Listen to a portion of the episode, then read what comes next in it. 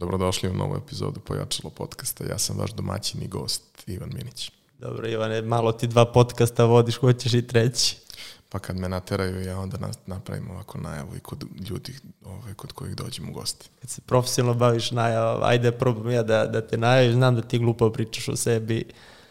Današnji gost, serijski preduzetnik, serijski podcaster, serijski gost podcasta, čovek koji ima iskustva i u digitalnim biznisima i u offline biznisima, tako da možemo da napravimo jednu zanimljivu, veoma zanimljivu priču. Pitanju je, kao što ste vidjeli i čuli, Ivan Minić. Ivane, dobrodošao u Biznis priče.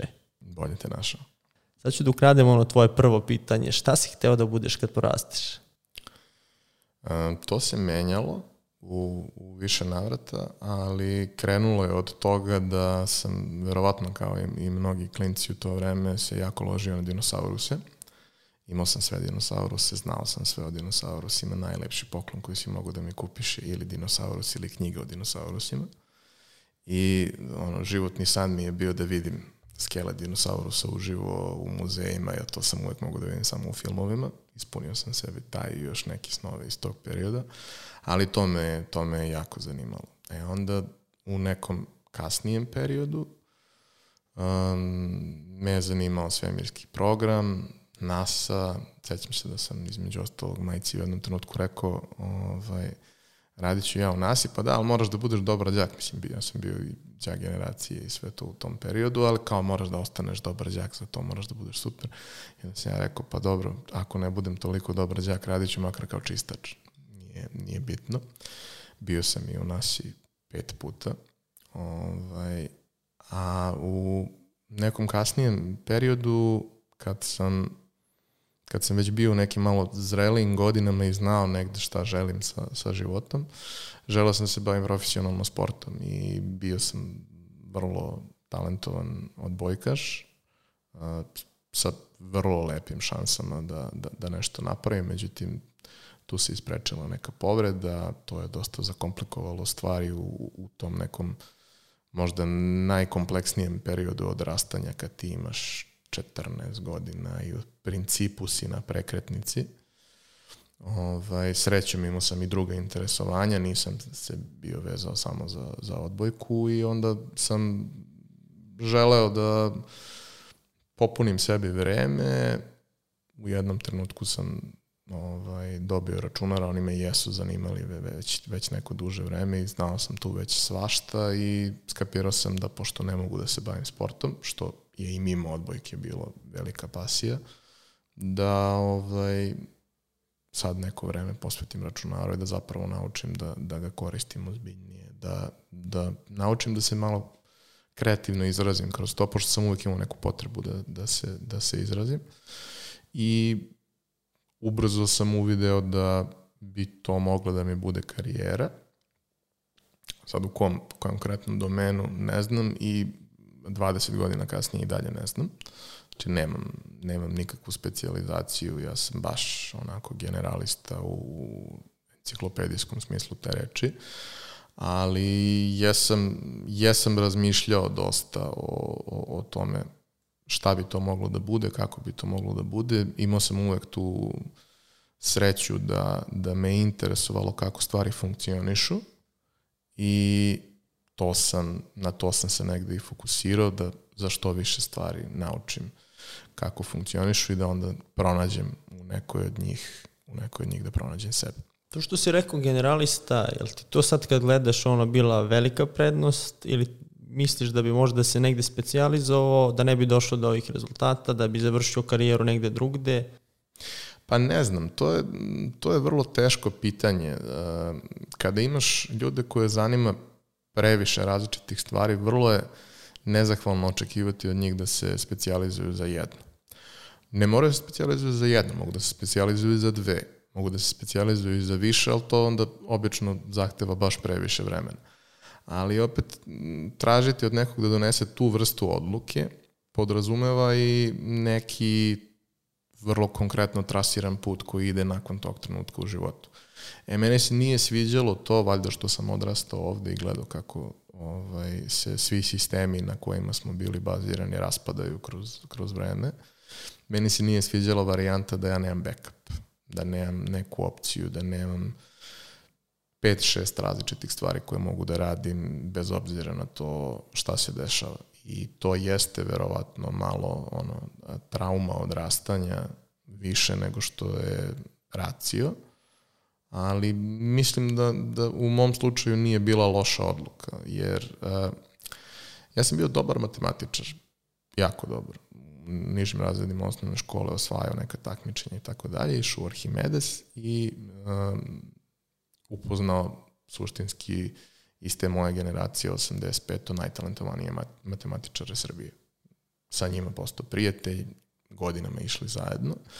Ja sam u jednom trenutku skapirao da stvari koje moji prijatelji razumeju na, na intuitivnom nivou, znači jednostavno prirodno im dođu, ja ne skapiram ni kad mi neko objasni.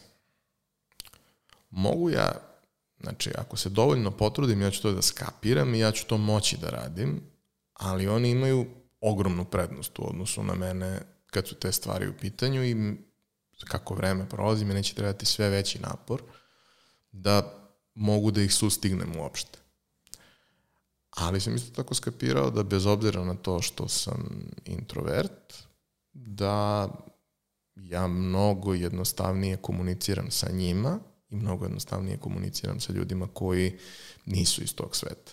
I da jako dobro umem da prevedem jednima ono što oni drugi misle i, i obrnuto. I da je to možda moja najveća prednost. I u principu ja sam dobar deo karijere proveo na tom uh, mostu između marketinga, tehnologije, preduzetništva, pokušavajući da pomognem ljudima da se međusobno razumeju i pokušavajući da pomognem ljudima da različita znanja uvežu u nešto što je finalni proizvod. Jer vrlo često za pravljenje dobrog proizvoda ti treba malo više od tih nekih specifičnih sektorskih znanja koje imaš vezano za neku konkretnu oblast. Zato kod nas uh, IT-evci ne umeju da naprave produkt. Oni znaju da ga isprogramiraju, oni ne umeju da ga osmisle, zato što ne razumeju ponašanje korisnika. Oni razumeju inženjerski kako to treba da funkcioniše, ali ne znaju zašto ljudi traže baš to.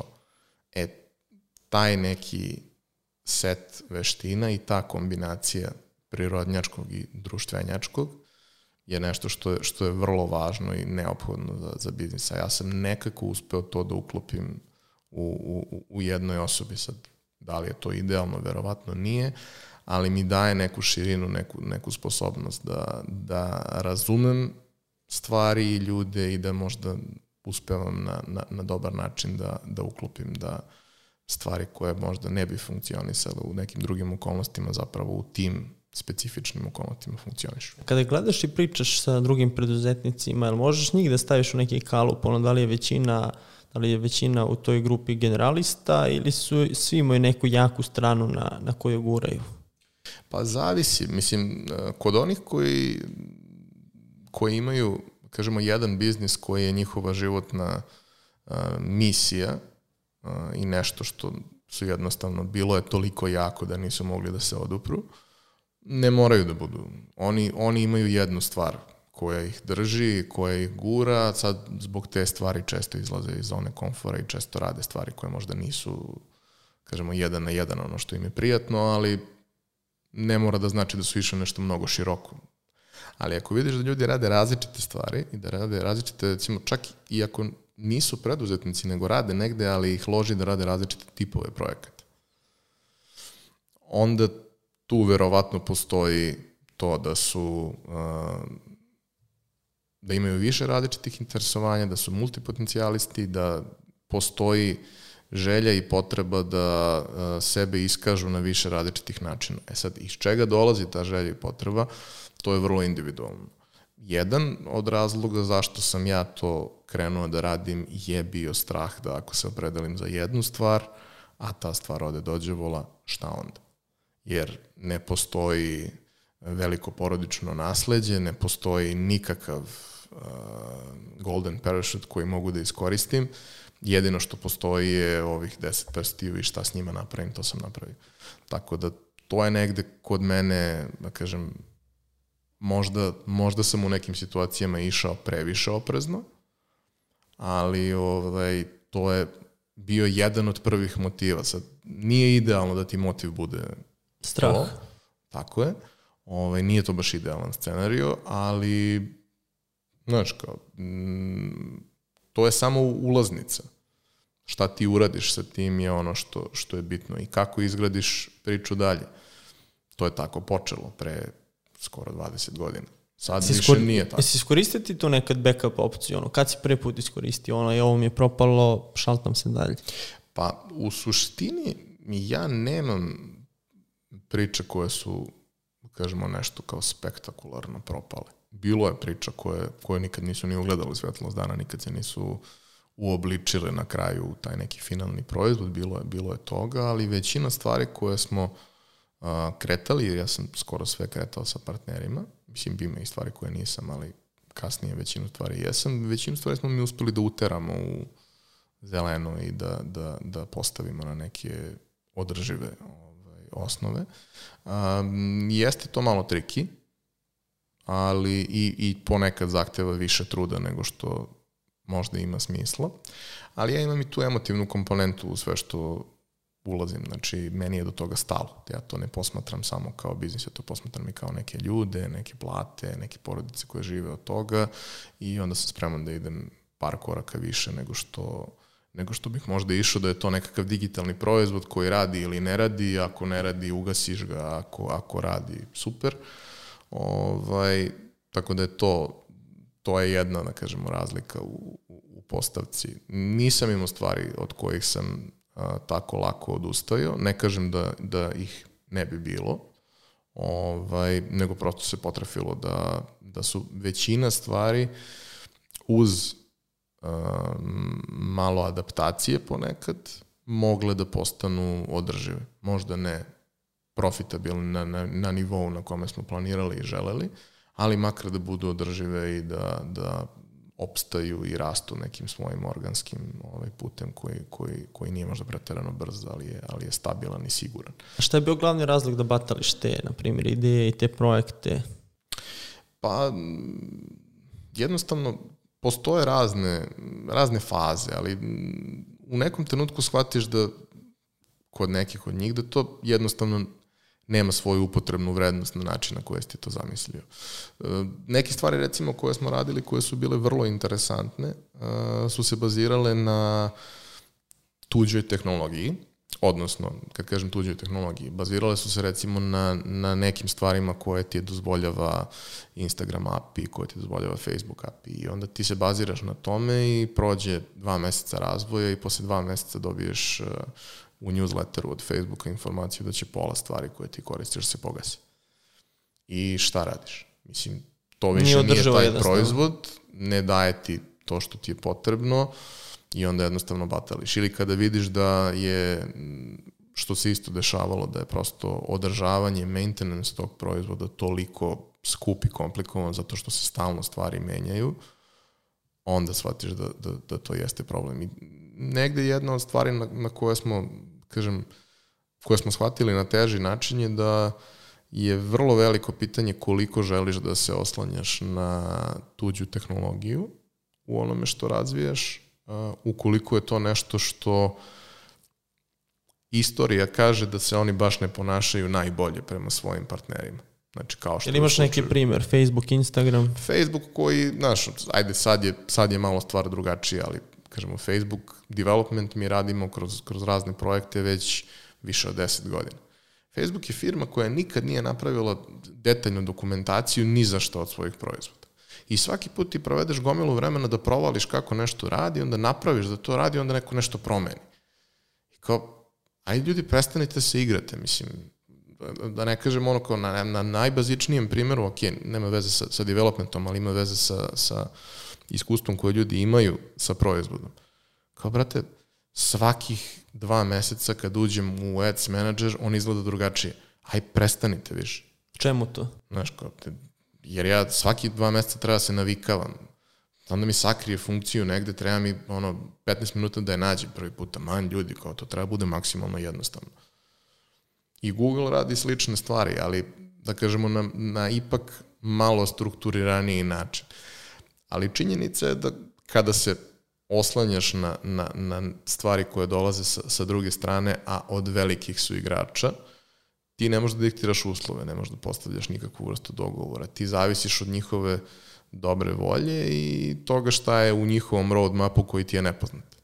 Nije to baš sjajno, sjajna polazna tačka. Šta ako primaš uplate preko Paypala, a oni su isto poznati po tome da mogu da te skinu, da te blokiraju, a to ti je jedini payment procesor? Pa dobro, uh, ja lično nikad nisam imao loše iskustvo, ali to je dobrim delom i iz razloga što sam ja jako davno otvorio firmu u Sjedinjenim državama i koristio biznis Paypala za, za stvari za koje mi je trebalo. Ovaj, ali znam ljude koji su imali probleme. Znam ljude koji su imali probleme zato što nisu pročitali Terms of Service. Mm, ne možeš da se ljutiš na nekog što nije pročitao Terms of Service, zato što je Terms of Service napisan tako da ga niko nikad ne pročita. Znači, to prosto ono, beskonačna količina gluposti koje, koje su birokratizovane preko svake granice. Ali, znaš, ako nisi pročitao i ako si sve svoje stavio na taj tast, onda ne možeš ni da se ljutiš kad se tako nešto desi. Ima ljudi, imaju razne, razne vrste horror priča. Uh, generalno, research je majka uspeha i ako vidiš da negde postoji problem i da se dosta ljudi žali na sličnu stvar, jednostavno nemoj da ulaziš u to na taj način ili napravi sebi nekakvu vrstu backupa, neko drugo rešenje koje, koje će da ti pije vodu. Sada više ono, PayPal nije problem primati ni u Srbiji, na firmu, na fizičko lice, kako god, ok, fizičko lice možda jeste malo problem zbog svega ovoga što se dešava, ali ajde i tu sad ima neki modalitet kako stvari mogu da funkcionišu, ali kao na firmu nije nikakav problem primati novac već godinama. Um, Firma na firmu ili fizičko lice na, na pa, firmu? Mislim, um, u suštini nije bitno, zavisi šta je u pitanju, ako ti prodaješ, ne znam, e-book i kupi stranac, taj e-book nebitno je, potpuno može da, može da plati, kao što i za gomilu drugih stvari ovde ti možeš da naplaćuješ, iako si firma od fizičkih lica, bez fiskalnog računa, bez, postoji set stvari za koje to možeš da radiš, recimo, ne znam, edukacija je jedan od tih stvari, neki kursevi i slične stvari, to možeš da radiš. Naj, jedna od najvažnijih stvari i ona prva lekcija koju, koju treba da naučite, to je svoje vremeno kad sam ja počinjao, meni je rekao jedan od najboljih prijatelja, nađeš dobro knjigovođu i ne lažeš nikad knjigovođu. Ja imam sreću da mi je knjigovođa najbolji prijatelj odnosno najbolja prijateljica Marija moja koja je apsolutni, apsolutni car i mi možemo potpuno otvoreno da pričamo i dogovaramo se oko svih tih stvari kako da ih izvedemo u skladu sa svim zakonima, propisima.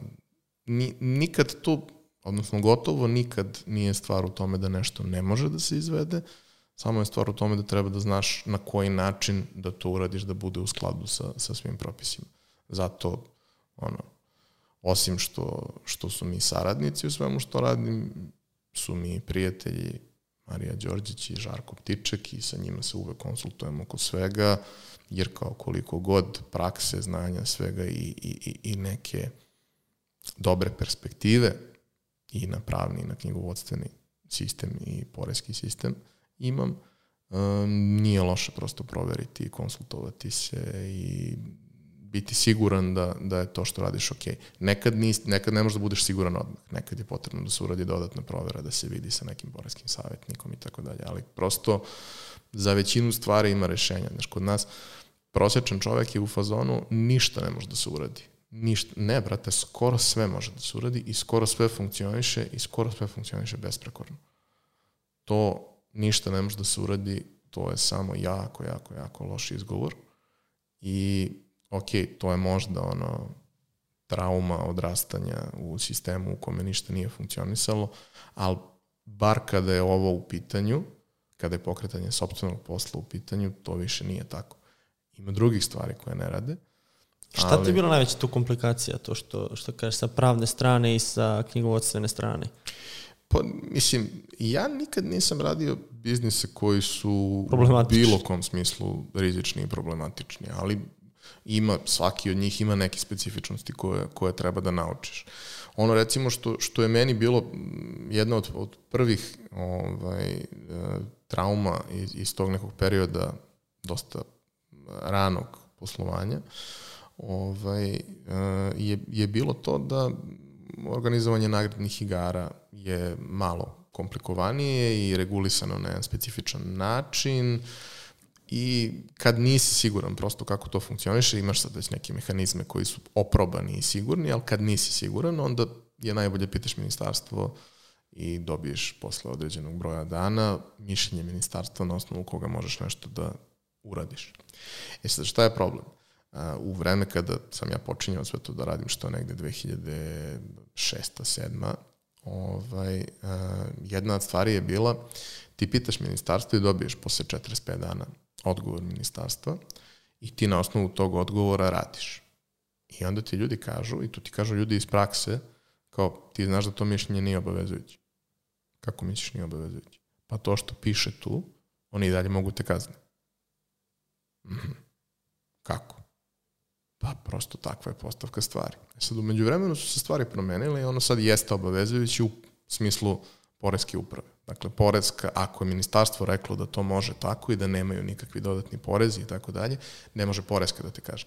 Ali dalje čovjek može da te tuži za nešto što po svim metrikama koje, koje imaš je legalno. I onda to onako malo ono, mindfuck ali i tu prosto, ako ulaziš u nešto gde, gde postoji prethodno iskustvo, ljudi raspitaj se, pitaj, dobit ćeš savet, dobit ćeš povratnu informaciju, premalo je ovo tržište da bi se sad mi nešto tu mnogo krili i čuvali, većina ljudi, koliko god da opet postoji percepcija da ako pitaš neće ti niko reći, niko će neće odati svoju tajnu i šta god, Mislim, ja 20 godina pitam ljude i 20 godina skoro svi su mi skoro sve rekli što me je zanimalo, tako da samo je poenta u tome da pobediš u sebi taj strah i to predubeđenje da nećeš dobiti odgovor i da prosto pitaš. Ajde da ne dobiješ šta? Pa mislim i da ne dobiješ, pite sledeći put i pite drugu osobu. Znaš, tu je malo problem kad ti pričaš mladoj osobi pitaj. I onda ona krene da pita sve. Brate, nemoj da pitaš sve. Nemoj da pitaš stvari koje možeš da izgooglaš. Niko nema vremena da ti skraćuje proces za koji ti treba 15 minuta da izgooglaš. Ali kad dođeš do nečega što je stvarno problem i što svi znamo da je problem, sešći i izdvojići pola sata da ti objasni neku specifičnu stvar koja je bitna. Nemoj da pitaš gluposti. E, ali kad ono, guraš nekog da, da pita, onda dođeš do toga da, da, da ljudi pitaju gluposti. Znaš, ja sam recimo u nekom trenutku davno, ima, ima sigurno 10 godina, ovaj, kada sam već recimo 5-6 godina svaki, svake nedelje uh, odvojio po recimo sat ili dva da sedim sa nekim predstavnikom nekog malog biznisa. Ovaj, uh, sada sam i popisao sam ono, nekih deset najčešćih tema koje imamo. I bukvalno kogod mi se nakon toga javio narednih par godina, ja im prvo pošaljem tih deset stvari da pročitaju. Skoro niko nije pročitao. Pitaju ponovo. Pitaju ponovo i uvek, uvek je recimo baš karakteristično za taj neki period i nije se to drastično promenilo, ali jeste se promenilo donekle, što mi govori da ima nade. Ovaj, u tom nekom periodu, recimo 2007. 8. 9. do recimo 11. 12. Ovaj, ljudi su dolazili sa biznis idejama za digitalne stvari koje ni u jednom trenutku nigde, ni na koji način nisu podrazumevali nikakav biznis model. Znači, dobro, mi ćemo da napravimo to i onda će ljudi da dođu. Dobro, a pare? Reklame. On, I onda ćemo, ali oni će da dođu i oni kad su tu, mi samo dinar da uzmemo od svakoga, kao dobro, kao, znaš, ono, počinje, počinje glava da me boli kad mi neko kaže imaš 400.000 poseta i samo dinar od svakog da uzmeš, znači ti si rešio sve probleme, kao ljudi ne funkcioniše tako. Na koji konkretno način mislite da to monetizujete? Ok, reklame jesu jedna opcija, ali vrlo malo biznisa može da se bazira na tome da će da živi od reklama. Aha, A šta drugo možemo da radimo? Pa rekao, ima hiljadu jedna opcija šta možete da radite, ali ne znam, ako je to nešto što gde prodaješ neku konkretnu uslugu, lupam oglasni sajt za neku konkretnu nišu, neko mora da prodaje te oglase. u, pa, ja, pa ne, pa to, to će automatski. Neće. Mislim, ne funkcioniše život tako, to će da možda ide automatski za tri godine kad se stvore navika kod ljudi, pa ide automatski, ali mislim, niko nije počeo tako što sve radi samo od sebe. Napraviš lep interfejs i sve se desi samo od sebe, pa niko nije tako uspeo. I onda, znaš, ta neka bazična nerazumevanja su onako dosta, dosta česta i dosta, u dosta situacija se na njih vraćamo kad, kad pričam. To je bilo 2012. Koliko se sad situacija? Koliko takvih pitanja dobiješ? Pa i dalje dosta. I dalje dosta. Mislim, i dalje u, ima mnogo situacija u kojima uh, mi ćemo to da napravimo, tu će da bude cena tolika i to će ljudi da kupe. A zašto će da kupe? Pa ne, ne kao to će da kupe. Ali zašto? Osjećaj. Daj mi razlog zašto misliš da neko to želi da kupi. Daj mi razlog zašto misliš da neko to smatra da treba da plati toliko koliko si ti zamislio da to treba da košta. Možda neko hoće da kupi. Dešavalo se da ljudi dođu sa, sa, sa pričom, ispričaju mi, deluje mi apsolutno da, da, da, da pije vodu i da ima smisla i onda mi kažu to je proizvod koji mi cenimo 35 eura. Ja kažem, dobro, a šta kaže tržište? Pa naši prijatelji, dakle, dobro, zaboravi šta kaže tvoji prijatelji, pite nekog ko ti nije prijatelj, jer e, prijatelji i roditelji će ti uvek reći da je sve super. Ove, kao, izađi malo izvan toga, ima Robert Fitzpatrick, mom test, mislim, kao, izađi malo iz svog kruga prijatelja i postavljaj prava pitanja, nemoj sugestivna pitanja da postavljaš, jer ćeš dobiti odgovor. Da li ti se sviđa, Ivan, ovaj podcast? Da, mislim, prosto ono, nemoj to da radiš. Uh, I onda ćeš da vidiš šta, šta je realno stanje stvari, jer ti meni u tom trenutku kažeš da to treba da košta 35 eura, a ja sam u fazonu do 15 bi bio spreman da dam i kupio bi ga. Pa da, ali mene košta 25 da ga proizvedem. Pa onda imaš problem.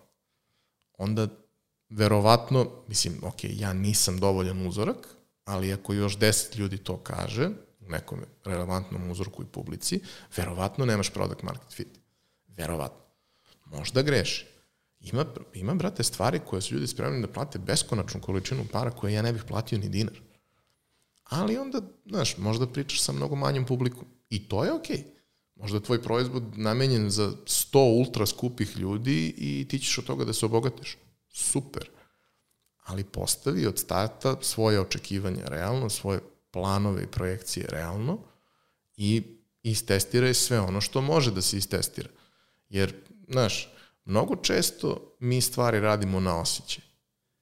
I, I ja sam mnogo stvari u životu uradio na osjećaj i često sam grešio, ali sam bio svestan toga da radim na osjećaj i da to što, što sam uradio je posledica moje loše pripreme i ajde sad, veliki smo momci, ajde sad da mi to ispravimo i dovedemo ga gde treba. Dešavalo se. Sa skoro. Svakim od, od mojih biznisa se to u nekom trenutku desilo, da nešto zbog brzine i potrebe da budeš agilan uradiš uh, mimo možda tih nekih pravila koje, koje nije loše ispoštovati, pa onda vidiš da si pogrešno procenio, pa pivotiraš, praviš neku, neku razliku.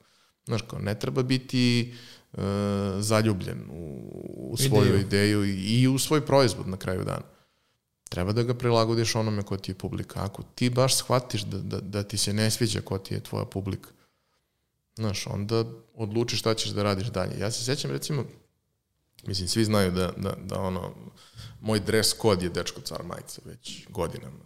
Zašto? Zato što su mi John i Neca prijatelji, zato što dok sam bio u svojoj nekoj najdebljoj fazi, oni su pravili custom fit majice za mene i to su bile jedine majice koje sam imao, koje su izgledale dobro. Uh, Ovaj, ja njih obožavam beskonačno i um, oni su recimo imali, znači oni su krenuli 2001.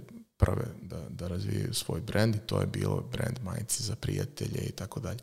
I onda su u jednom trenutku skapirali da njihove majice nose i neki drugi ljudi i neki ljudi koji nisu imali su i situacije gde nose ljudi koji su njihovi idoli, facetine i sve to, ali imali su situacije u kojima to nosi neko ko ti se baš i ne sviđa da nosi tvoj proizvod. I tad donosiš odluku, jel praviš proizvod koji je za masovnu populaciju, kao što je majica, ili praviš nešto gde ono, ti biraš ko će da ti bude kupac. Ako praviš majice i ne sviđa ti se to kad neka poznata ličnost sa čim se vrednostima ti ne slažeš ovaj, nosi tvoje majice, reši taj problem sa sobom, zato što to će vrlo verovatno da dugoročno sahrani tvoj biznis. Sa dosta ljudi koji, koji prave tu neku vrstu kreativnih proizvoda kroz koje izražavaju sebe, imaš taj problem da, da kao, ali ja ne želim da ta devojka ili ta sponzoruša ili šta god nosi moju majicu. Pa da, ali ona može da kupi tu majicu kao i bilo ko drugi. Ako se njoj sviđa, ta majica će se dobro prodavati. Pa da, ali ja ne želim da se takvim ljudima to sviđa. Pa ne znam, brate, onda pravi proizvode koji su okrenuti ka ljudima koji su drugačiji, ali, znaš. Šta je to veći problem, ono, da pogrešni ljudi to kupuju ili da ljudi uopšte ne kupuju? Opet zavisi šta ti je, šta ti je cilj u životu. Znaš, naj, kad, kad analiziraš preduzetnike, znači ja sam uradio kroz pojačalo sa specijalima, sa svim, do sad 150 epizoda. Kroz moju firmu sam uradio isto jedno 140 intervjua. Mimo toga sam pričao sa, sa 300-400 ljudi, sigurno. Uh, I kada analiziraš preduzetnike, ima baš raznih profila uh, i imaš ljude koji tačno znaju šta hoće i tačno znaju kako da dođu do toga. Nekima treba više, nekima treba manje vremena, ali ti sedneš sa njima i ti posle 15 minuta razgovora znaš da šta god da se desi, to će biti uspešno na kraju. Da li će biti uspešno na nivou Apple-a ili će biti uspešno na nivou bakine tajne, nije važno, ali bit će uspešno. U nekoj, na nekoj skali će biti zaista uspešno. Onda imaš ljude sa kojima sedneš i vidiš da, i to je recimo dosta često u poslednjih 15 godina, vidiš da su oni ušli u to zato što nisu imali nikakvu alternativu. To je mnogo teška polazna pozicija. Ovaj, I te priče su jako, jako, jako teške lično, i, jer to su u suštini, ja se to jako banalizujem, ali radi ilustracije, to su ljudi koji su pokrenuli svoje biznise, a u suštini su to ljudi koji niko nije hteo da zaposli. Ako nikom nisi odgovarao, ako niko nije hteo da te zaposli, vrlo verovatno nisi ni za to da vodiš svoj biznis. Ali ok, ima ljudi koji tu naprave nekakav iskorak i ono što je često bitno, ti ljudi nemaju nekakva ogromna očekivanja, pa kad uspeju da naprave da to funkcioniše, da to bude neka skromna priča njihova koja, koja njima funkcioniše, obezbeđuje egzistenciju, to je super. Ali najgori i, da kažemo, naj, najveći uh, procenat, dominantna grupa, su ljudi koji imaju uh, ogromna očekivanja, a objektivno nemaju ni znanja, ni kvaliteta da to ostvare. To ništa nije strašno. Sva ta znanja se steknu. Ali ako je tvoje predubeđenje da si ti Bogom dan i da si najpametniji i najlepši i da ne treba nikad da se promeniš i da je sve savršeno, onda to baš i nije zdrava osnova da nekom kažeš, e, ali još samo kad bi naučio ovih pet stvari, ti bi bio zapravo dovoljno dobar. Oni sve vreme misle da su dovoljno dobri i njima sve vreme neko nešto duguje njima. Država, neko duguje, oni su ti koji su konstantno nezadovoljni, oni su ti koji su vrlo često ljubomorni na konkurenciju bez da suštinski razumeju konkurenciju. Znaš, vrlo često se dešavalo da sedim, sedim pričam sa ljudima i on, oni mi hejtuju nekog koja je njihova direktna konkurencija na tržištu, ja znam i jedni i drugi oni imaju podršku ovoga, oni imaju... Ne, brate, nemaju podršku nikoga, oni samo imaju proizvod koji je superioran u odnosu na tvoj. Da, ali ne znam, moj proizvod je bolje spakovan, pa super, ali tvoj proizvod se jede, a pakovanje se ne jede. Koliko god da je lepo spakovano, ako to što je unutra nije dovoljno kvalitetno ili je preskupo, nije dovoljno dobar fit sa onim što radiš. I onda tu kad postoji ta uh, disproporcija, diskrepancija između očekivanja mogućnosti, to je jako veliki problem. I, Gde završe ti ljudi? Pa, preduzetnici? Pa mislim, završe, najčešće to radi, ali ne dovoljno dobro i oni završe kao nesrećni i nezadovoljni ljudi.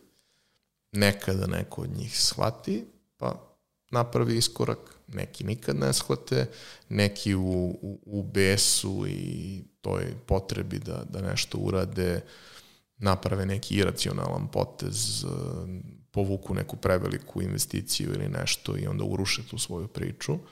Ali u principu, znaš, taj moment gde ti, mislim, ti moraš da misliš da si najpametniji ako ulaziš u to.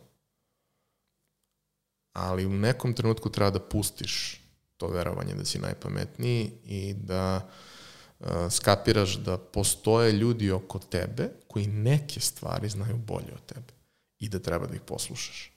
I da najčešće, i to, to jako često kad pričam sa, sa da kažemo, vlasnicima primarno malih biznisa, najčešće svi oni misle da je njihov biznis jedinstven i nikada niko nije imao ni jedan problem koji imaju. A 99,9% problema su već viđeni, poznati, rešeni odavno i postoji vrlo jasna metodologija kako mogu da se reše. Samo ti misliš da si poseban i misliš da to treba da bude drugačije. E, to su, to su problemi. Znaš, da, mi, mi smo zemlja jako nezadovoljnih i nesrećnih ljudi.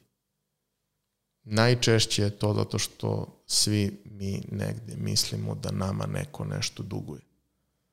Mislim da je jedna od najvećih prednosti Amerikanaca što mislim da kad se rode, osim ako se nisu baš rodili onih 1% najbogatijih, oni vrlo brzo skapiraju da njima niko ne duguje ništa i da se za sve moraju da se izbore.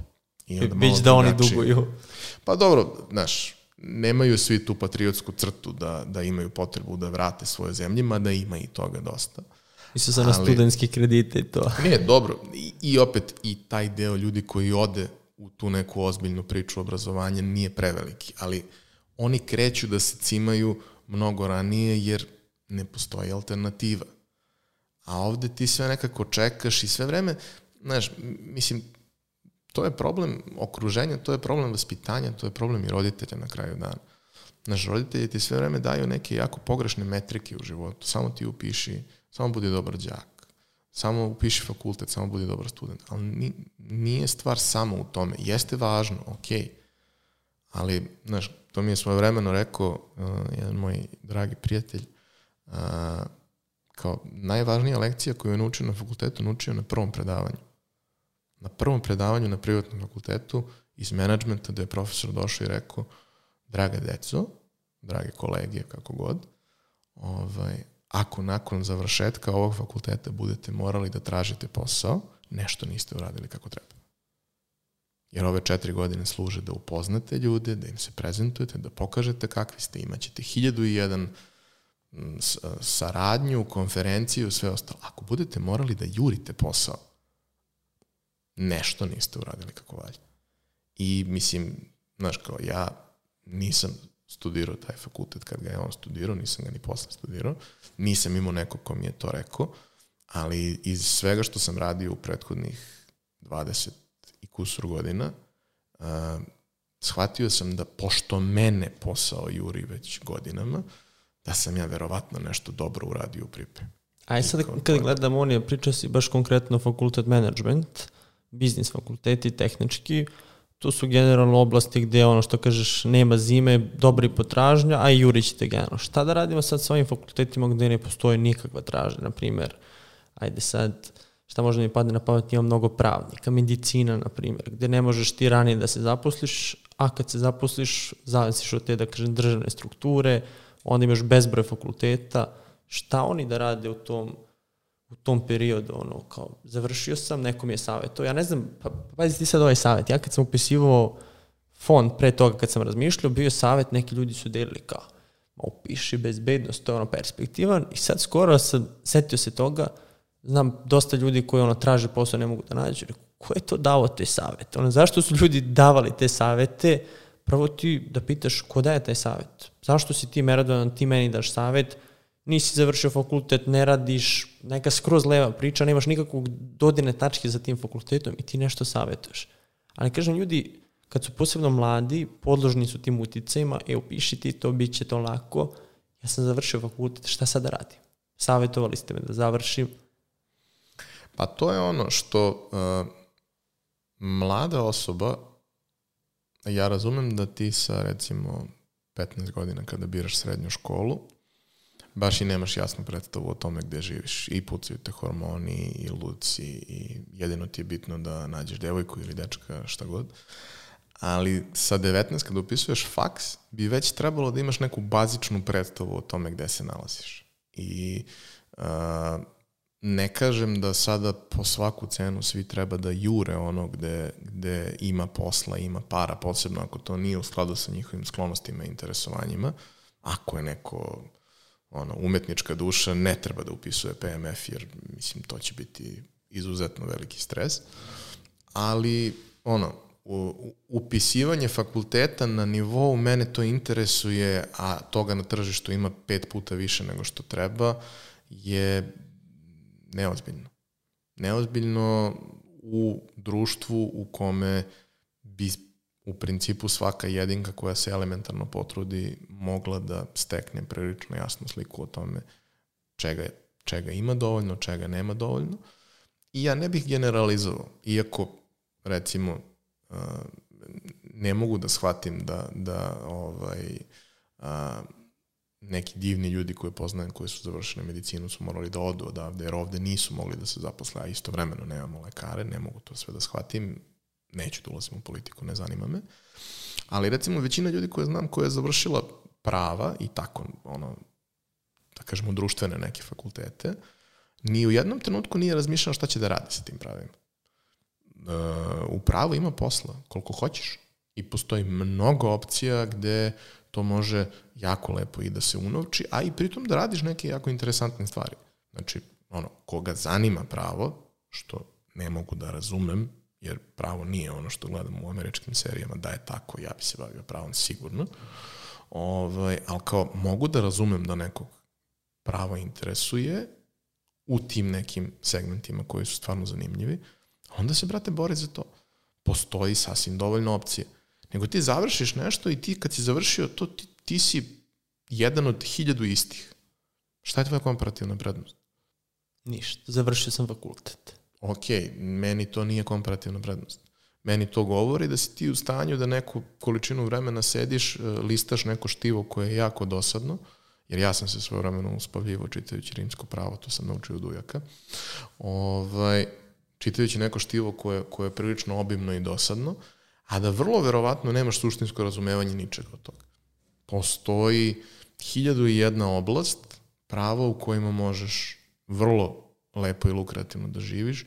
Gomila ljudi koje, koje znam, koji su vrsni advokati i pravnici, stalno traže ljude koje, koje će uvesti u posao sa kojima će napraviti neku saradnju, proširiti svoje konsultantske firme i kancelarije i ne mogu da nađu ljude koji imaju adekvatan set predznanja koji je potreban da bi taj posao mogli da radi. I to je najčešće mnogo veći problem nego taj sam životni izbor. Ima situacija u kojima kad napraviš životni izbor, on ti baš diktira sve. Ako si završio medicinu i proveo toliko vremena baveći se time, ti ne želiš da radiš kao turistički vodič koliko god da je dobra plata, mislim, to je ono, životni poziv i ti ljudi su uglavnom nalazili svoje, svoje rešenje tako što su odlazili napolje. Ali ima mnogo poslova gde ti, mnogo fakulteta gde ti to što završiš je suštinski prilično široko i u nekom trenutku kada dobiješ priliku da se specializuješ, imaš opcije da se specializuješ za stvari koje će zapravo ljudima trebati. Ne znam sad, Lupiću, možda, možda nije tačno, ali recimo e, ta priča bezbednost. Ok, možda da kažem, ta neka priča sa fizičkim obezbeđenjem nema nikakvog smisla, ali kao bezbednost na radu i sve što ide uz to, e, sa merama koje prosto dolaze i propisima koji dolaze iz EU, tu će biti posle narednih 200 godina. Ali ja ne znam mnogo ljudi koji je to završilo i specializovalo se za to.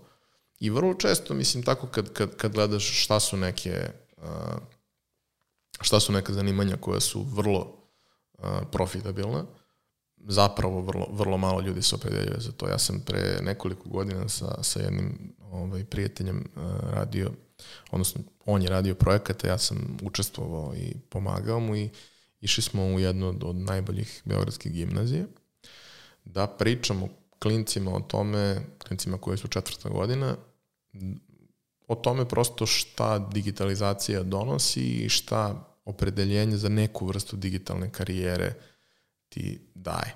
Ali moja postavka te stvari nije bila uopšte da ja njima pričam da svi treba budu programeri, zato što ne, neće svi biti programeri, nego prosto, ok, hajde malo da pričamo o tome, ali hajde malo da pričamo o tome kako je digitalna tehnologija promenila nama život. Da ti danas ne možeš budeš taksista ako ne umeš da koristiš pametni telefon i tablet. Da ono, ne možeš da budeš knjigovođa ako ne umeš da koristiš Excel kako treba, ako ne umeš da koristiš računar na pravi način. I uh, to je bilo recimo pre nekih 5-6 godina i bilo je užasno, užasno iskustvo. Jer ti dolaziš u uh, šest odeljenja četvrtog razreda, jedno za drugim, gde imaš uh, iznova i iznova razgovore sa decom koji nemaju apsolutno nikakvu, dobrom decom, dobrim đacima, koji nemaju apsolutno nikakvu predstavu o tome šta ih čeka dalje. Mene ne zanima računar, ja ne želim nikad da radim ništa na računaru. Aha, čime želiš da se baviš biologijom? Pa kako zamišljaš da se baviš biologijom ako ne radiš na računaru? Kako? Mislim, prošlo je vreme toga da nešto samo seciraš i gledaš pod mikroskopom i pišeš na papiru i koristiš indigo. Ne, ne funkcioniše život više tako. I za mnogo nekih tu, tu stvari se to dešavalo. Imao sam tu i ono potpuno nadrealnu situaciju gde ovaj, mi je u jednom odeljenju neka devojka za koju se vede posle ispostavila da upisala glumu ili tako nešto, ustala, uperila prst u mene i viknula ti dehumanizuješ društvo, ti si demon i to sve. Ja pitam posle ovog drugara, rekao, brate... Sam stvarno demon, a? Ne, neka, ok, demon sam, šta god, koga, koga briga. Ove, šta je bilo ovo? E, pa znaš, njima je razredni profesor veronauke. E, dobro, mislim, ne, ne kažem ništa protiv profesora veronauke, znam dosta duhovnika koji su sjajni ljudi. Ne verujem ni da je ovde to možda linearno bilo povezano, ali taj moment gde devojka kaže ja, ja planiram da se bavim glumom, kažem dobro, jel si ti svesna da već sad ono, CGI radi 80% posla u tvojoj industriji i da za 10 godina kad ti budeš spremna da se baviš time, možda uopšte neće biti potrebe za ljudima kao što si ti. Ne, ne, ne, glumci će uvijek, dobro, okej, ali možda i neće. Prati tehnologiju pa ćeš videti. Moraš da budeš u toku sa tim da razumeš šta se dešava. Imaš neke trendove koji ti prosto kažu ono, a, dobrih novinara će uvek biti, siguran sam, dobrih pisaca će uvek biti, ali već sad za gro stvari, kao što su, ne znam, scenare za serija, ne vidim zašto bi knjige bile drugačije, to može da napiše algoritam. Tako da se dopadne svima, tako da uzme u obzir hiljadu faktora koje čovek ne može da uzme u obzir je jednostavno konačno smo bića, računar nije konačan u tom nekom smislu i kao napravit ćeš nešto što je mnogo bolje po nekom objektivnom setu kriterijuma publike koja to sluša i gleda, a neće biti potreban nikakav input sa ljudske strane.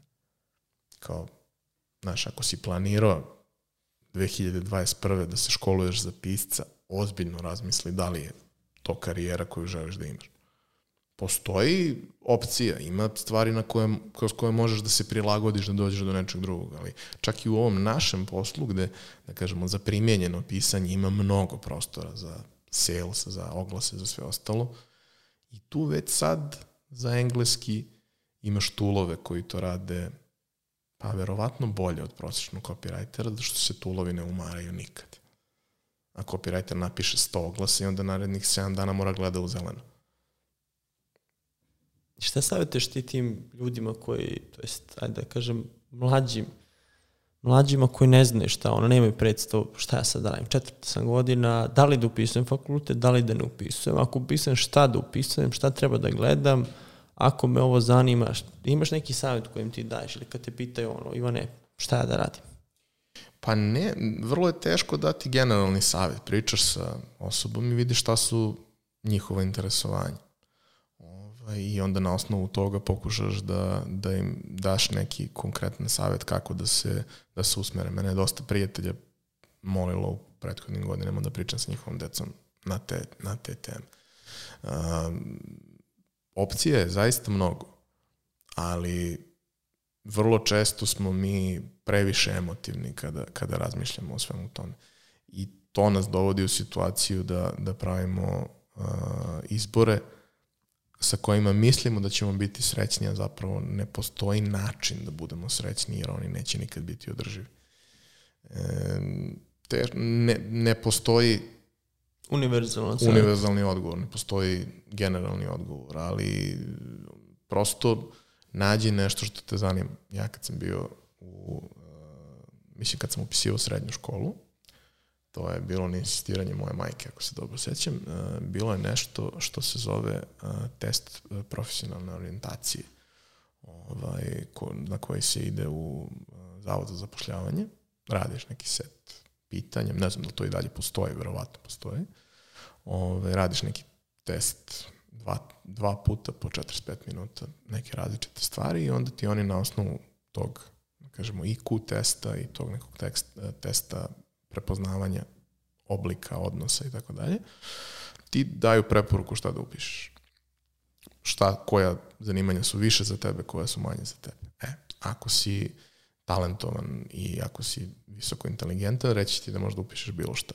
Što znači ti ništa nisu pomogli. Znači, meni su rekli, a od medicine do šta hoćeš upiši, uopšte nije bitno. Znači, u tom trenutku sam bio i sportista, kao možeš sport da nastaviš, ne, neće da bude problem nikak. Znači, potpuno ono. Ali recimo znam dosta ljudi uh, koji nisu imali tu vrstu rezultata kroz školovanje, kojima je to zapravo jako puno značilo. Koji su dobili usmerenje i koji su na kraju realizovali svoju karijeru kroz to na jedan vrlo dobar način. Drugarica je završila um, ekonomska škola, ekonomski fakultet, završila u financijama, živi jedan lep, smiren, sređen život, mogu da kažem, verovatno, ako objektivno gledano, je zadovoljnije životom nego što sam ja.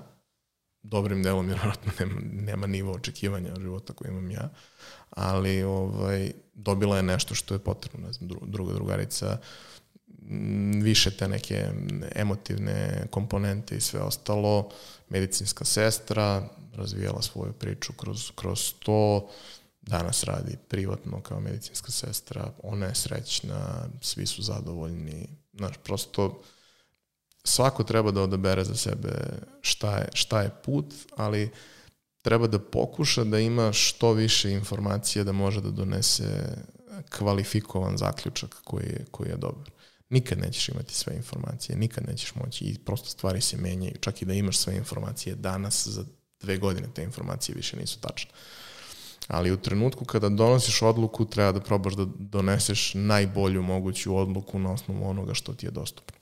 Ti to odlučuješ sa 18 godina, sad koji, kojim ćeš putem da ideš, koja je karijera i ti sada kupiš neki fakultet gde realno možeš da završiš pa da radiš nešto drugo, ti tu odluku ne moraš da doneseš sad sa 18. Ti si to upisao, imaš neku širinu, pa ću ja da radim kasnije šta ja hoću. Međutim, ti ako sa 18 godina, što smo pričali, upišeš neku usku specializaciju tipa medicina, ti kad to završiš, ti tad ne možeš da, da biraš ono, hoću ja sad nešto u preduzetništvu, hoću ono, ili su male šanse, ti si, čini mi se, izabrao kasnije, to jest u nekoj kasnijoj fazi, nisi rekao sa 18 godina, ja hoću da se bavim ovim, ovim, ja ću sad idem tim putem, već si kasnije mrdao sa tog puta, prilagođavao se.